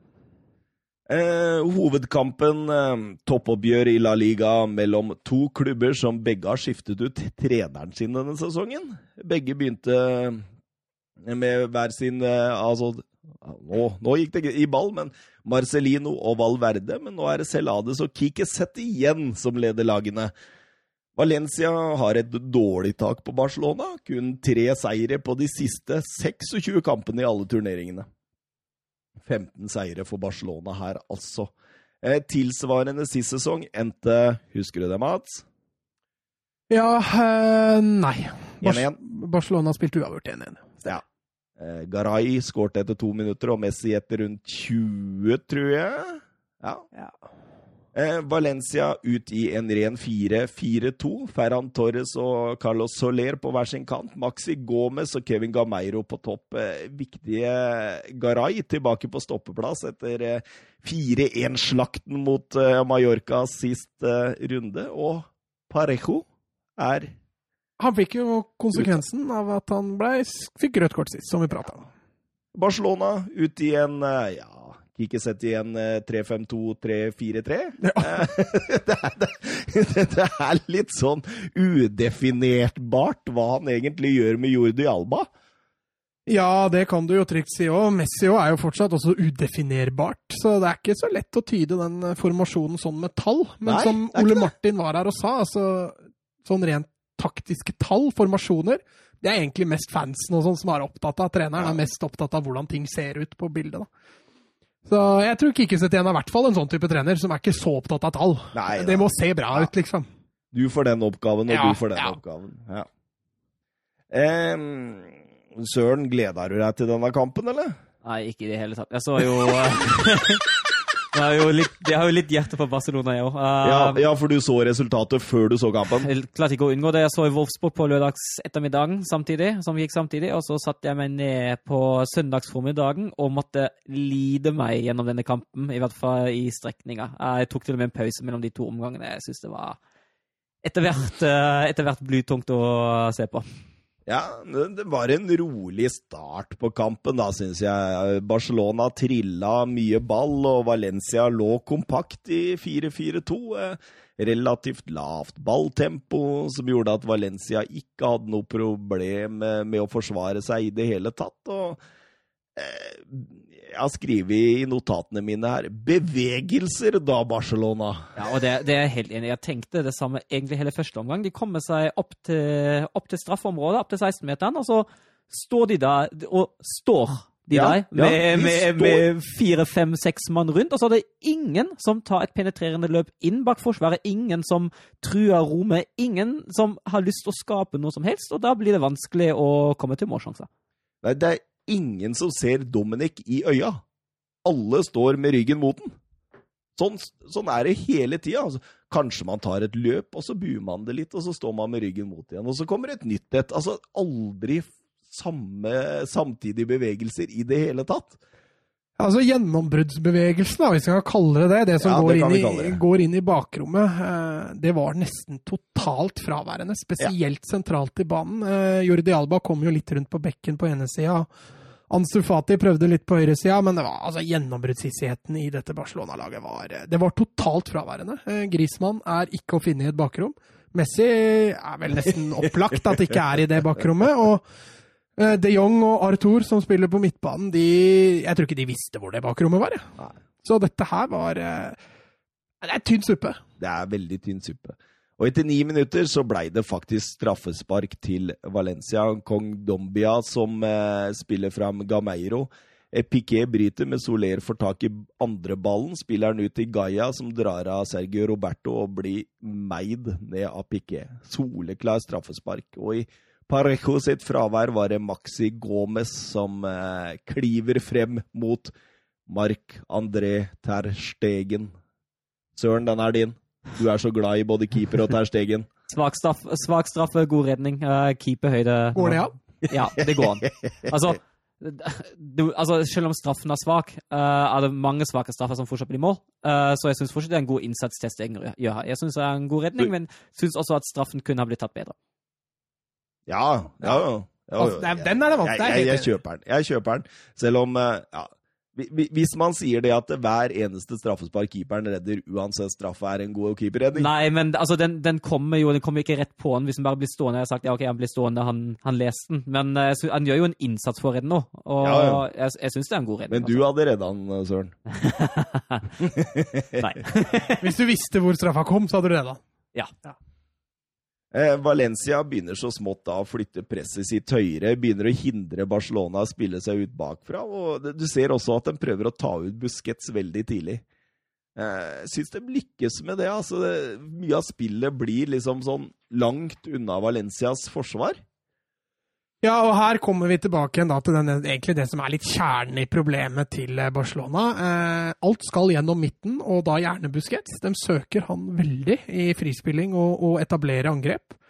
Eh, og når det da er totalt fraværende bevegelser foran Busquets, eh, som da går framover, så da blir det mye trilling på tvers. Og som jeg da sa i forrige episode, Barcelona under det settet igjen kommer til å gå på noen smeller. Det sa du. De kommer til å gå på noen smeller. Og etter 18 minutter så holdt det på å bli første smell. da Vass blir satt opp ut høyre, bruker støtte i eh, Ferran Torres, som legger eh, inn mot Gameiro i boks. Sergio Roberto er foran og header beina rett på Piquet, og ballen går mot mål der. Der, eh, der kan Piqué takke seg stegen. Ja. Det er jo faktisk en kvalifisert Men- redning. Men uh, Piquet takker, altså han får ikke gjort så jækla mye Nei, der. han, gjør ikke det. Han, han får det. ballen rett i fanget der. Han Det er vel en dårlig klarering av Roberto. Det er vel Roberto. heller Roberto som Ja. må ta litt av skylda der, hvis det skulle endt opp i skolen. Men jeg bare tenkte Piquets åpning på den kampen, den var litt Ja, den var litt skjelvende. altså. eh, skjelvende. Oi, oi, oi. I likhet med mye annet Barcelona dreier med. Da. det var mye skjelv. Det var mye skjelving det. Etter 28 minutter kommer jo denne dobbeltsjansen til Valencia. Maxi Gomez ut høyre. Hjørnet av 16-meteren mot eh, Sergio Roberto, som fikk virkelig kjørt seg. Gaia på en overlapp som gjør at eh, Roberto må jo følge Gaia. Eh, Skaper rom til Gomez, som klinker til uh, Ter Stegen. Slår han opp i tverrleggeren der. Litt sånn Jeg tenkte det, det var en litt sånn usikker inngripen av Ter Stegen også. Eh, Den kommer Soler- så jævlig fort. vet Ja, gjør den det? Ja, ja. Kommer så spinnvilt fort men, men, men samtidig, liksom, dette er Altså De Gea og på sitt De Gea beste slapp jo inn sånt. Ja, men det, altså, De Gea på sitt beste og sånn. Altså, det, dette er her det, er, det, er, det, bør du ta, altså, hvis du er verdens beste keeper, som dere snakker om han. Ja, Men han tok den jo. Ja, men det er, han skaper jo en kjemperetur som eh, Det var jo bare flaks at det ikke ga Meiro Det var Testegen som sørget for at det ikke blir Gameiro som skåra, da. Jo da, men eh, likevel. Du, altså, dere, dere tar ikke kritikk på Ter i det hele tatt! Jo, tok kritikk mot, uh, mot en uh, dårlig inngripen her mot Mallorca. Ikke noe problem med å innrømme det. Uh, men jeg syns den har heller bra Nei, så det var at, godt keeperspill? ja, jeg syns det, ja, jeg slipper det, er heller- jeg syns det er heller bra gjort at den i hele tatt får fingeren på det, istedenfor at det er Men det går rett på den, jo! Ja, men, altså, det kommer jo med en sinnssyk fart. Ja, Men han er jo ikke pressa, han ser jo utgangen på skuddet. Det er fra 16 meter, Mot liksom. Burnley, mot De Gea. Var Ja. enig om at det ikke var keepertabbe. Ja, Ja, dette er jo akkurat det samme. Det er omtrent jo. Men, men, Akkurat men, samme men det er forskjell på å gjøre kjempebra og ikke gjøre en keepertabbe. Ja, men han redda Altså, Altså, det, det, det, det, er- det fins en mellomting her, liksom. Det Ja, hva, hva, vil- hva vil du? Vil du at den holder den fast, eller? Nei, jeg vil at han skal bokse den ut og vekk, ikke i tverrleggeren og til farlig Nei, men at han slår den i tverrleggeren, det gjør han jo ikke med vilje. Nei, det er nettopp det jeg sier, men det bør han ha kontroll på. Han bør kunne klare å få boksa den ut eller vekk. Nei, da, Jeg tror han ikke rekker noe annet enn å bare reagere. Jeg tror ikke han Ja, rekker man å ser jo utgangen fra 16 ja, ja, Men han rekker jo fortsatt ikke å tenke. Må, han bare, Skuddet er jo ikke 240 km heller. Nei, men det er 140, og det er ganske fort. Nei, nei, nei, nei. Jeg tror altså, ikke han hadde dette vært hvilken som helst annen keeper, så hadde dere sagt at ja, det var litt nonchalant. Men siden det er Ter Stegen, så er dere sånn dere, dere to dere lever på sånn rosa Ter Stegens sky. Det, ikke, Men- det skal ikke forundre meg om dere har gitt bonus for, i denne kampen òg! Jeg foreslår at jeg foreslo at De Gea hadde hatt keepertabbe mot Burnley. Du, det avfeide jo du glatt! du, du, du vet, vet du hva? Eh, Jeg, jeg husker han gjorde en eh, fire-fem keepertabber her i starten av sesongen. Det, det var ikke keepertabber heller for dere. Dere burde starte en sånn sekt. Sånn Terstegen eh, sånn Tersekt. en tersekt, ja. Nei, det der, nei, altså han er bra for all del, men dere må ikke ta Dere må ikke miste Ja, men det er det objektiviteten ingen her som er tatt av! Vi bare benekter Ja, at men du klarer- mener det er en svak involvering. Dere klarer ikke å innrømme at han gjør en svak involvering innimellom. Jo, det kan, Det kan jeg vel. Ja, er mot Mallorca, ja, mot Mallorca en gang, ja. Men det var ikke en svak involvering. Ja, nettopp hatt denne diskusjonen der dere tidligere. Mats. Når da? Og, jo, når han gjorde den tre-fire keepertabbene tidligere i sesongen her. Ja, men hvis han har en keepertabbe det var jo ikke kjeft av disse som var keepertabber, ifølge deg. Hvis han har en keepertabbe, skal jeg være først ut til å innrømme det. Ja, det liker jeg, tror jeg. Ja. Du, du gjorde jo ikke det forrige gang han gjorde ja, men da var det jo ikke noe keepertabbe, da, tydeligvis. Nei, ikke sant? Ifølge deg, ja. Men hvis det hadde vært for eksempel De Gea, så hadde det vært keepertabbe, eller Kepa. Ja, ja, men det er omvendt på deg, da. Hva da? Jo, for jeg foreslo at DG hadde keepertabbe mot Burnley. Nei, sier du, det var ikke noe keepertabbe. Nei, jeg syns ikke det er keepertabbe. men når Terstegen blir utsatt for akkurat det samme, Men men, men, redder han! Jeg sier ikke at det er keepertabbe. Jeg sier han burde gjort det bedre. Det er forskjellen, ikke sant? Ja, altså, De Gea burde gjort det bedre. Ja, det burde han jo. Ja, Men Og da burde Terstegen Stegen gjort det enda litt bedre her, Han, da. han burde gjort det bedre her, han òg. Men altså, Ja, tror du han noen andre skaper- keepere hadde gjort det Han skaper bedre? en farlig situasjon. Ja, Men tror du noen andre keepere hadde gjort det bedre? Ja. Hvem da? Nevn i fleng. Skal jeg nevne i fleng? Ja. Det Gea veit vi, han hadde ikke gjort det bedre, i hvert fall. Stensny. Hugo Loris. Men du er jo, er jo fullstendig forelska i Stenchny. Herregud. Har, har, har du sett Stenchny nå mot, uh, mot Napoli, eller? Ja, men ba, ba, bare vent nå. Neuer. Nei. Nei. Nei, men der, der ser dere, da. Dere tar én situasjon, Greit, og så nå- sier jeg altså, så, nå så går vi videre. sier- Ja, men, ja, men hør, hør på dere Nei, nå går vi videre. Nå er vi Dere avfeier alle keepere, fordi for dere så er Ter Stegen han er der. Og så er alle andre der. Og det Ter Stegen gjør litt sånn klumsete eller litt sånn dårlig, det er ikke det samme. Altså, altså, dere sitter og ler når jeg nevner noen av verdens beste keepere som jeg mener kunne ha tatt den. Men da jeg- men dere jeg har aldri, og det sier jo litt. Jeg har aldri hevda at Ter Stegen er verdens beste keeper. Det har ikke jeg heller. Jeg har- aldri hevda Hvem er bedre? enn Ter Stegen. Ja. Eh, Altså, jeg er ser Ter Stegen oppe i det toppsjiktet av keepere, der også Oblak og Alison blant annet befinner seg. Ja, jeg er for så vidt enig. Jeg kunne godt tatt med Ederson òg. Ja. Og Noyer. Og Noyer. Ja. Og Stenchny. Så han er topp fem. Topp fem er han. Ja, og det er jeg enig om, men det er vanskelig å peke på én og si at han er verdens beste. Jeg syns også det blir litt urettferdig mot andre. Ja, men hvis dere måtte peke ut den verdens beste Dere må. Allison. Ja, Alison. Mm. Ja, men han er jo Ja, han kløner litt, men han Jeg er hadde valgt Oblak nå for tida, men ja. Oblak òg har kløna litt. ja alle keepere ja, ja, kløner. men du, ifølge deg så kløner jo alle keepere her, da. Kan ikke vi gå videre nå, da? 42 minutter. Eh, bli ferdig med det. merkelig hendelse jeg skriver i notatene mine her nå. Jeg husker den ikke helt. Eh, jo, det er vel den når eh, Gomez blir tatt av Umtiti der, og, og Det er en fordelsituasjon som bare blåser av. Ja, Ja. ja, ja. Altså, jeg, jeg skjønner ikke helt hva som skjer der, for altså Han eh, Jesus Gill, han Han viser jo en fordel. Ja. Og så, og så, Og så blåser han frispark rett Ja. etterpå. Og hvorfor viser han den fordelen og tar av den kontringen rett etterpå? Men han sier jo, idet han blåser, så sier han 'sorry'. Mm. Han tar opp henda og Ja. sier 'sorry'. Jo, det, det Men da jeg. Veit ikke hva han tenker. Nei. Det for, for det er så rart, fordi han gjør jo helt riktig. Han viser den fordelen. Den fordelen går, Ferran Torres får ballen, og så Nei, da blåser vi av. Mm. Og så rett etterpå Sorry. Mm. Jeg skjønte ikke den. Jeg måtte ha den med fordi den var så funny. Og Valencia-spillere. Dritforbanna. Ja, Det skjønner jeg. Det skjønner jeg. Veldig forståelig. Mm. Og da var det 0-0 til pause, da, Mats? Ja, Valencia var nok strålende fornøyd. Barcelona må jo ha vært eh, veldig misfornøyd. Skapte jo ikke én puck, som vi har vært inne på før. Svake i bevegelsene, spesielt foran ballfører, mens eh, Valencia relativt enkelt forsvarer seg mot dette spillet. Altså. Mm. Du oppsummerer det som jeg har gjort i notatene mine, ser jeg. Mm. Eh, Ja, jeg har ikke sett notatene dine, men eh, Og så skriver jeg i notatene mine annen omgang. Nesten sjokkerende at ikke Vidal kommer inn med en gang. Ja, jeg er helt enig. Det var, jeg tenkte akkurat det samme da jeg så kampen. Det, han burde ha bytta inn med en gang. Men det, jeg tror sett igjen han går litt på akkord med seg sjøl når det gjelder Vidal. Ja. For han er den minst tiki-taka Barcelona-spilleren han har eh, i stallen. Mm. Eller i hvert fall på midtbanen. Og det, jeg tror han vegrer seg veldig for å bruke Vidal. Men samtidig så må han jo se at det med Vidal så blir det litt farligere med en gang. Ja. Og derfor så blir han på en måte tvunget til å gå litt på akkord med seg sjøl og Mm. sette inn på Vidal. Uh, og selvfølgelig, det skulle ha vært skjedd uh, før.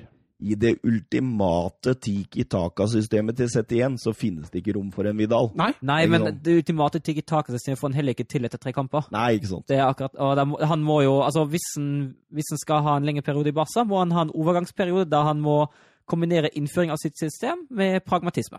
Og det går jo også nå ganske mye rykte på at uh, Setien kjører Barcelona-spillere ganske hardt på trening. altså. Mm. De trener visstnok veldig hardt. Mye hardere enn under Valverde. eh, og de kommentatorene i hvert fall var veldig opptatt av det, for Barcelona-spillere så jo tidvis veldig slitne ut. Eh, Ja. Jeg syns egentlig det bare var Busquets, og til dels Alba, som flytta beina, og Grismann for så vidt, Mm. flytta beina mye. Resten står veldig mye rolig og lite aggressivt. Altså. Ja. Og to minutter ut i annen omgang så går Valencia opp i en fortjent ledelse. Gaia ut venstre, nesten opp dørlinja, slår et innlegg. Piquet stusser bakover. Arthur stusser den videre til Gomez, som eh, fyrer av via Alba og i mål. og Sjekk det presset til Grismann og Umtiti der på Maxi Gomez. Mm. Det er nesten sjokkerende. Ja, han er jo tross alt ikke på skuddhold, så det er jo bare skjermen der. Ja, Ironisk Ja, ja. Ja, jeg skjønner. Skjønner, skjønner. eh, retningsforandringen setter jo Ter Stegen ut sånn at han har jo Ja, han burde kanskje tatt den. til å ta den. Nå må ikke dere være spydige, da. Nei, men, eh, men jeg syns Valencia tar fortjent ledelsen. De er det eneste laget som skaper sjanser, selv om Barcelona selvfølgelig har klart mest ball. Så, så var det en fullt fortjent eh, Valencia-ledelse de tok der. Mm, absolutt. Ja, fint mål også, for så vidt, selv om det selvfølgelig er litt tilfeldigheter, som du sier der. Men eh, Ja, det går jo via to Barca-spillere etter innlegget til Gaia. Da. ja, som igjen da skuddet går via. Så det er, det er litt tilfeldigheter der, men, eh, men absolutt fortjent. Eh, og så tenker jeg, etter 51 minutter der, så får man et eksempel på hvordan Barcelona er defensivt i forkant av Busquets sitt gule kort der. Da kan du telle sju Barca-spillere inne på Valencias halvdel, på den siste tredelen av, av Valencia sin halvdel. Ingen går i press på ballfører i det hele tatt, så det er én lang ball opp. Vinne en duell, så er de faktisk overtall. Mm. Og det Da smeller jo eh, Kikkiset igjen inn med eh, Vidal for Arthur, som hadde en fryktelig fotballkamp. Ja, det, jeg syns egentlig begge indreløpere til Barcelona. De Jong hadde kanskje sin svakeste kamp i Kunne Barcelona. bytta ut han òg. Ja, jeg tror ikke det hadde vært så stor. Men Arthur har vært lenge ute med skade, så det var naturlig å bytte han først. i hvert det, vi, etter at vi da kommer inn av det, i hvert fall. Endelig en som uh, Kom fylle på i boks. ja, altså, altså, og som, går, som marsjerer faktisk litt mellom uh, forsvarslinjene til, til Valencia. Det var jo ingen som gjorde det før. Mm. Det var jo Ja. Men, men ligna det litt mer 4-3-3 etter Vidal kom inn? Ja, men det var fordi han eh, ville Altså, dette har også vært litt versert eh, snakkis, i hvert fall i Barcelona, at eh, eh, de ligger igjen med for mange spillere. Mm. Altså, Roberto blir en stopper, og Piquet og Umtiti. Det betyr at Barcelona får én spiller mindre til foran ballfører. Mm. Vanligvis spiller de med høye bekker og to stoppere. Ja. Da ligger de igjen med to. Busquets balanserer, men han balanserer jo også nå. Så det betyr at det har jo vært litt verserte rykter innad i Barcelona-stallen at de er misfornøyde da, med at det holdes igjen så mye. Og det så du litt på slutten, at Roberto ble litt mer Mm. eh, aktiv på høyresida. Ja. Noe som gjorde at Alba måtte ta litt mer hensyn Mm. på venstre.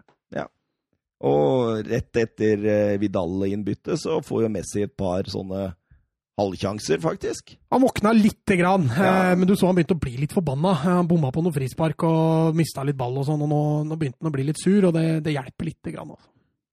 Og da bytter Valencia ut eh, Gameiro og sitter inn Rodrigo, eh, som kanskje går til Barca nå. Ja, det er kraftige rykter på det. Ja, og etter hvert som kampen blir eldre og eldre, og senker Valencia seg egentlig mer og mer eh, i presspillet, og lar Barcelona bare få trille og trille, og så, så, sånn går det jo. Ja, altså Du så den ene professional foulen eh, som gjøres der. Jeg husker ikke hvem av Valencia-spillerne som reiv ned Messi, men men det er de eneste gangene jeg tror Valencia følte seg litt usikre, var Ja. når Messi fikk rettvendt seg med rom å angripe. Mm.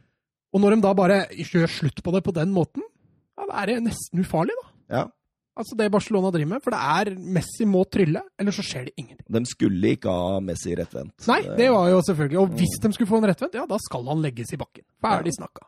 Absolutt.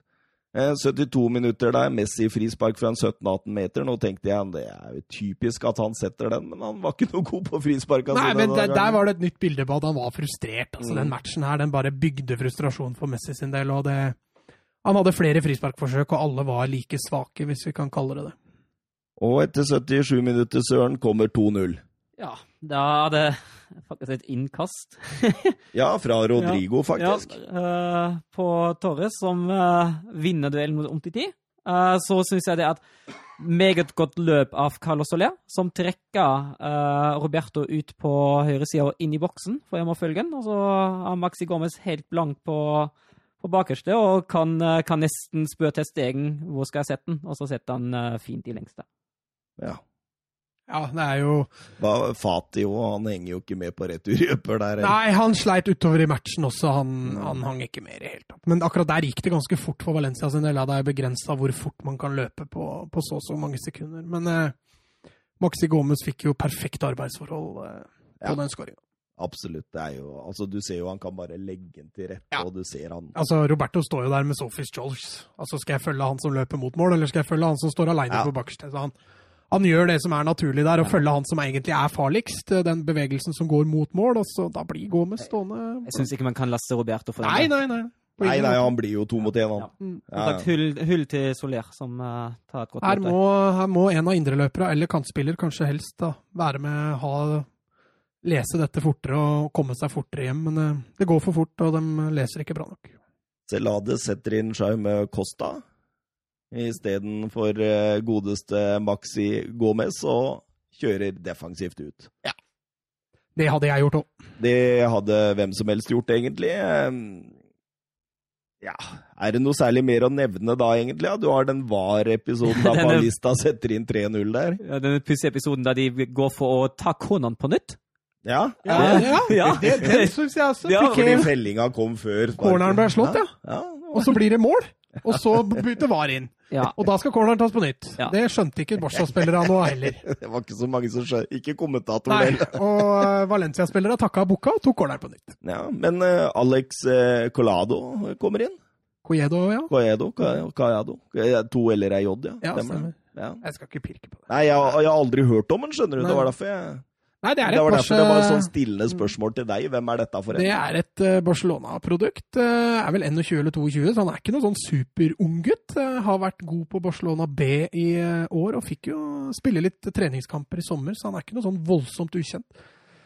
Eh, kommer nok ikke til å bli en stor Barcelona-spiller, tror jeg. Men, eh, men i og med at Carles Perez er kraftig rykta på vei til, eh, til Italia, er det vel? Roma, ja. Ja. Så kan fort Coyedo komme inn der og måtte bidra mer, altså, fordi de sliter jo med når Dembélé er ute med skade. Så det er en del mangler på den, eh, på den angrepsrekka. ja. Ebber ut med 2-0 til Valencia, og Kikiset igjen får noe å tenke på framover. Eh, skal vi ta bonusene våre? Ja. Begynn eh, du, Mats, og så går vi rundt eh, sola. Ja, jeg har Maxi Gomez på, på tre. Eh, er jo matchvinner uh, de luxe. Burde hatt hat trick, selvfølgelig. Brenner en straffe, men eh, Men eh, gjør eh, jobben han er satt til å gjøre. Eh, på to stjerner så sto jeg egentlig mellom valget på, med flere, men jeg landa på, på Garay. Eh, bare det å ha forsvarsklippa si tilbake igjen, det tror jeg hjelper ekstremt altså, for dette Valencia-laget. Han spiller jo ikke noen sånn ekstremt god kamp, men det er den tryggheten av å ha han tilbake igjen. Det, det hjelper veldig. Og på én stjerne så sto jeg mellom tre spillere. Det var begge kantene til Valencia, pluss Terstegen, og jeg eh, valgte å ta Terstegen. Ja, det gjorde du. Gå igjen, Søren. Tre stjerner, det er jeg enig med deg. Jeg har gått for Maxi Gomez i år, til tross for straffebommen. Matchvinneren, som du sier. To skåringer. Fin jobb. Bra gjennomført. To stjerner, der gikk jeg for Soler. Uh, han står ba, i første omgang egentlig bak alt av det som Valencia skaper offensivt. Han eh, har flere strålende, strålende pasninger. Han har pasningen før, uh, før straffen, han har pasningen før den dobbeltsjansen. Både før Maxi Gomez uh, skutt i stolpen, og så har han også headingen på Gamero i midten.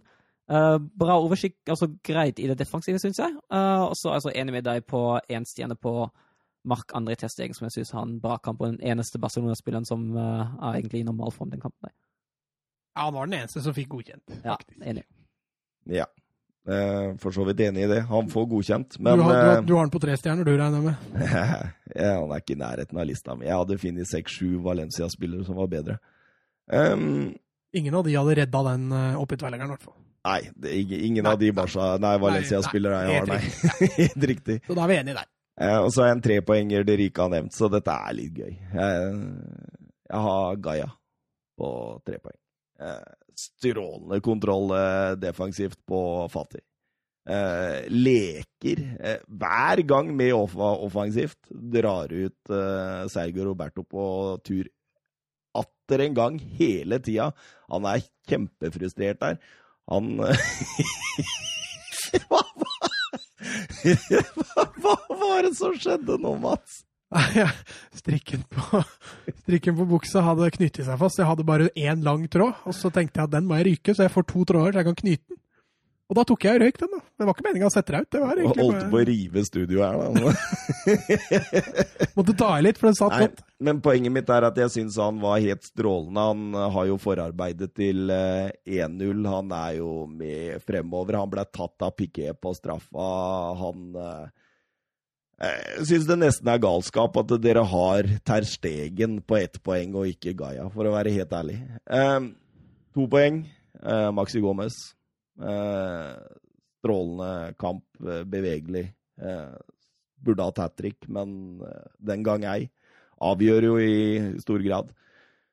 Og så har jeg egentlig Garay eller Ferran Torres på ett poeng. Jeg skrev at jeg må bestemme meg i løpet av eh, kampen, og da blei det Garay.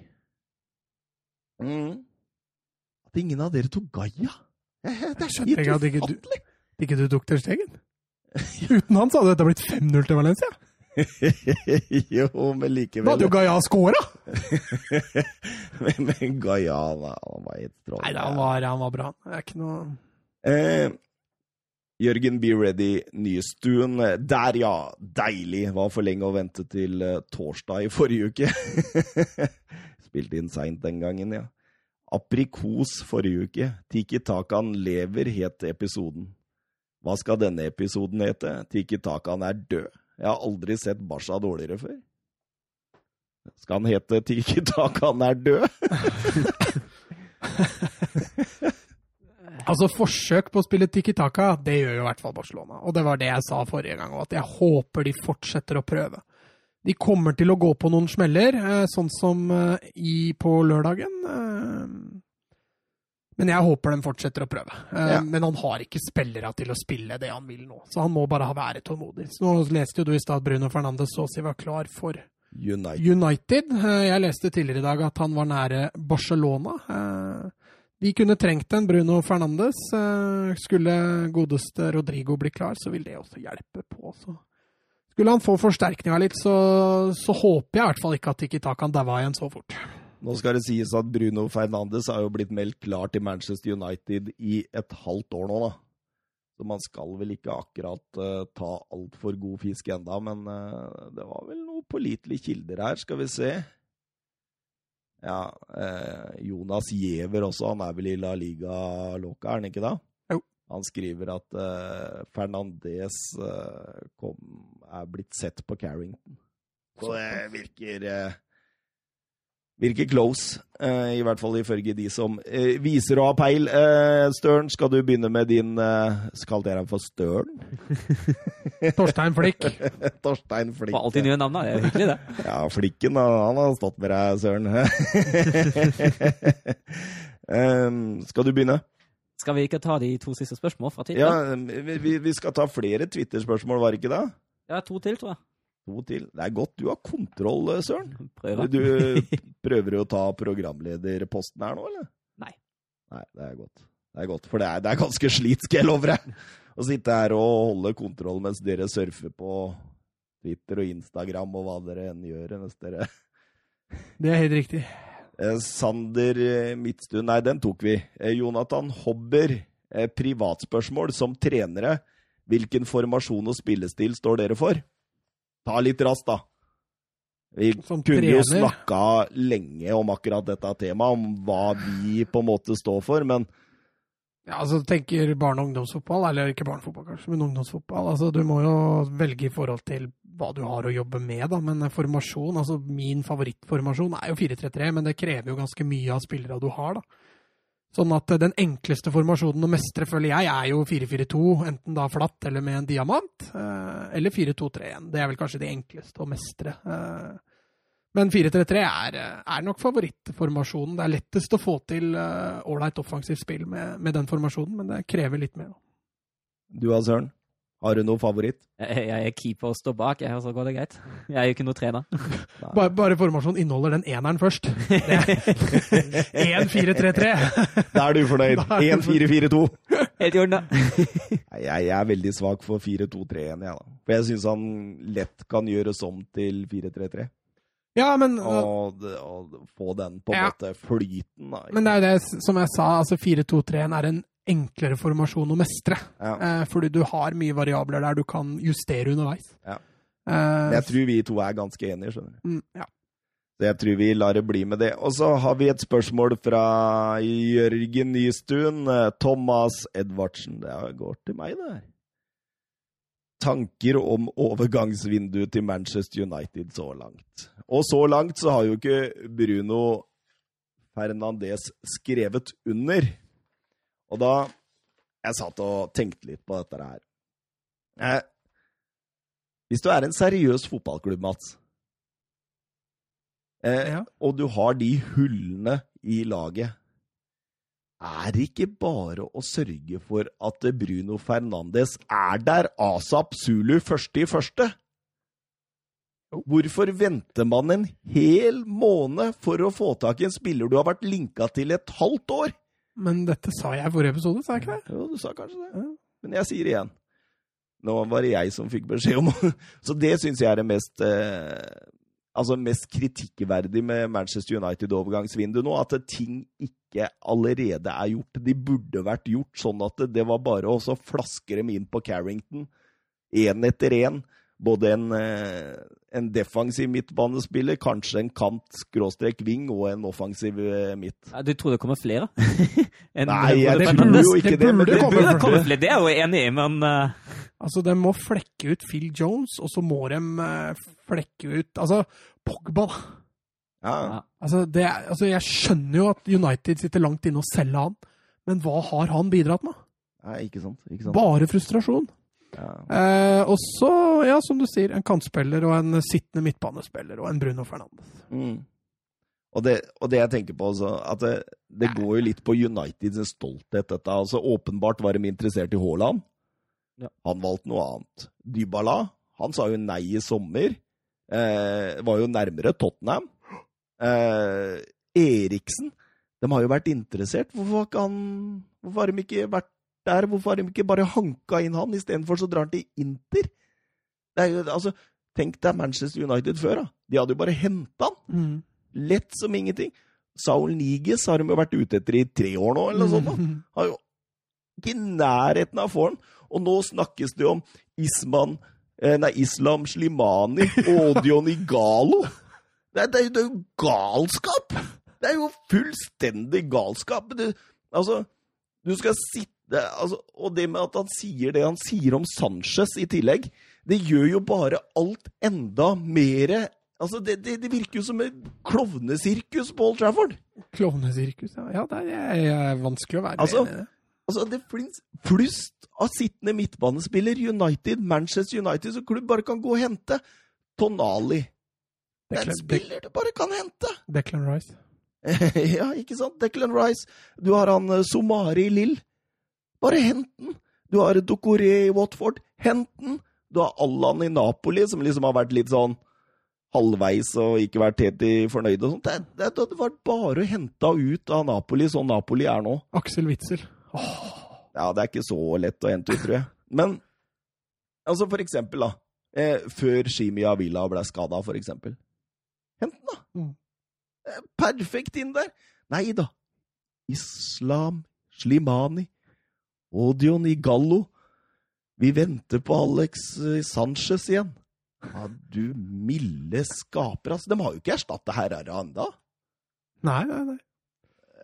Jeg, jeg Vet du hva? Som jeg sa, altså, nå, nå blir det to poeng på de neste seks, sånn som jeg sa. så ryker hele sjappa. Men uh, altså, altså jeg, jeg, altså jeg, Du blir jo litt sånn Du veit ikke helt hva du skal si heller, da. Altså Når Rashford er skada så lenge, McTominay er skada lenge, Pogba er skada lenge Dette var skader, i hvert fall Pogba og McTominay, dette var skader de visste om når overgangsvinduet åpna. Ja, ja. Her kom Rashford riktignok to uker inn i overgangsvinduet, men de har visst om den også to uker nå. ja. Eh, og så gjør de altså så lite. Eh, og det gjør jo at man tenker todelt. Enten er de, som du sier, klovner, eller så har de ikke tro på Solskjær. Og de tør ikke å gjøre kjøp for noe de tror da ikke kommer til å være der. Ja, men da, det blir jo en sånn sjøloppfyllende greie, når de, når de ikke støtter han heller. Altså, jeg har ikke, ja, ikke noe tro på Solskjær heller, og det er greit nok. Men jeg tenker jo at de må jo gjøre det de kan for å støtte den sittende treneren. Altså, Jo, og det var jo det jeg sa sist òg. Ja. Altså, da må de jo bare tuppe den ut, da. Ja. Altså, da, nå, nå blir det jo to onder. Ja, ja. Og det blir altså to minus blir ikke pluss i Ja, fotballen. Altså. Men jeg tror disse Glazers-folka jeg tror de tenker business first first and football second.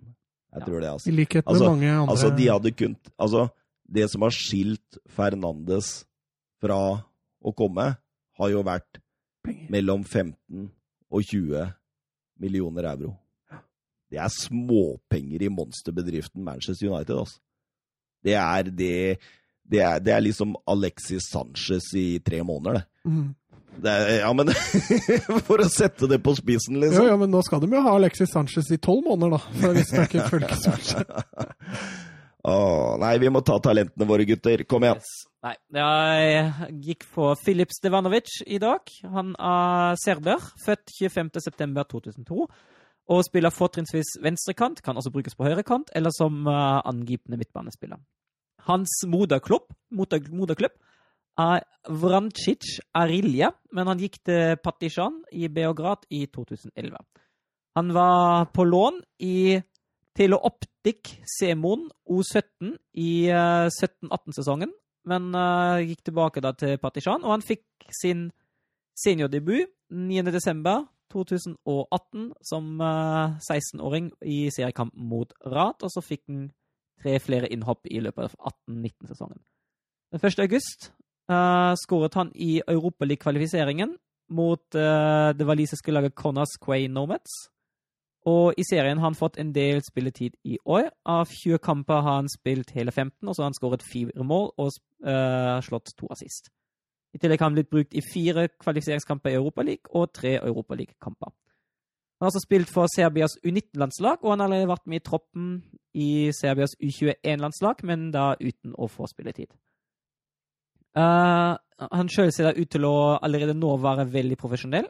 Han sier han uh, vil passe på alle små detaljer, uh, fordi han har så store mål som han har. Og han sier at han bare kan nå dem om han er 100% dedikert, og det inkluderer for ham da også god ernæring, blant annet.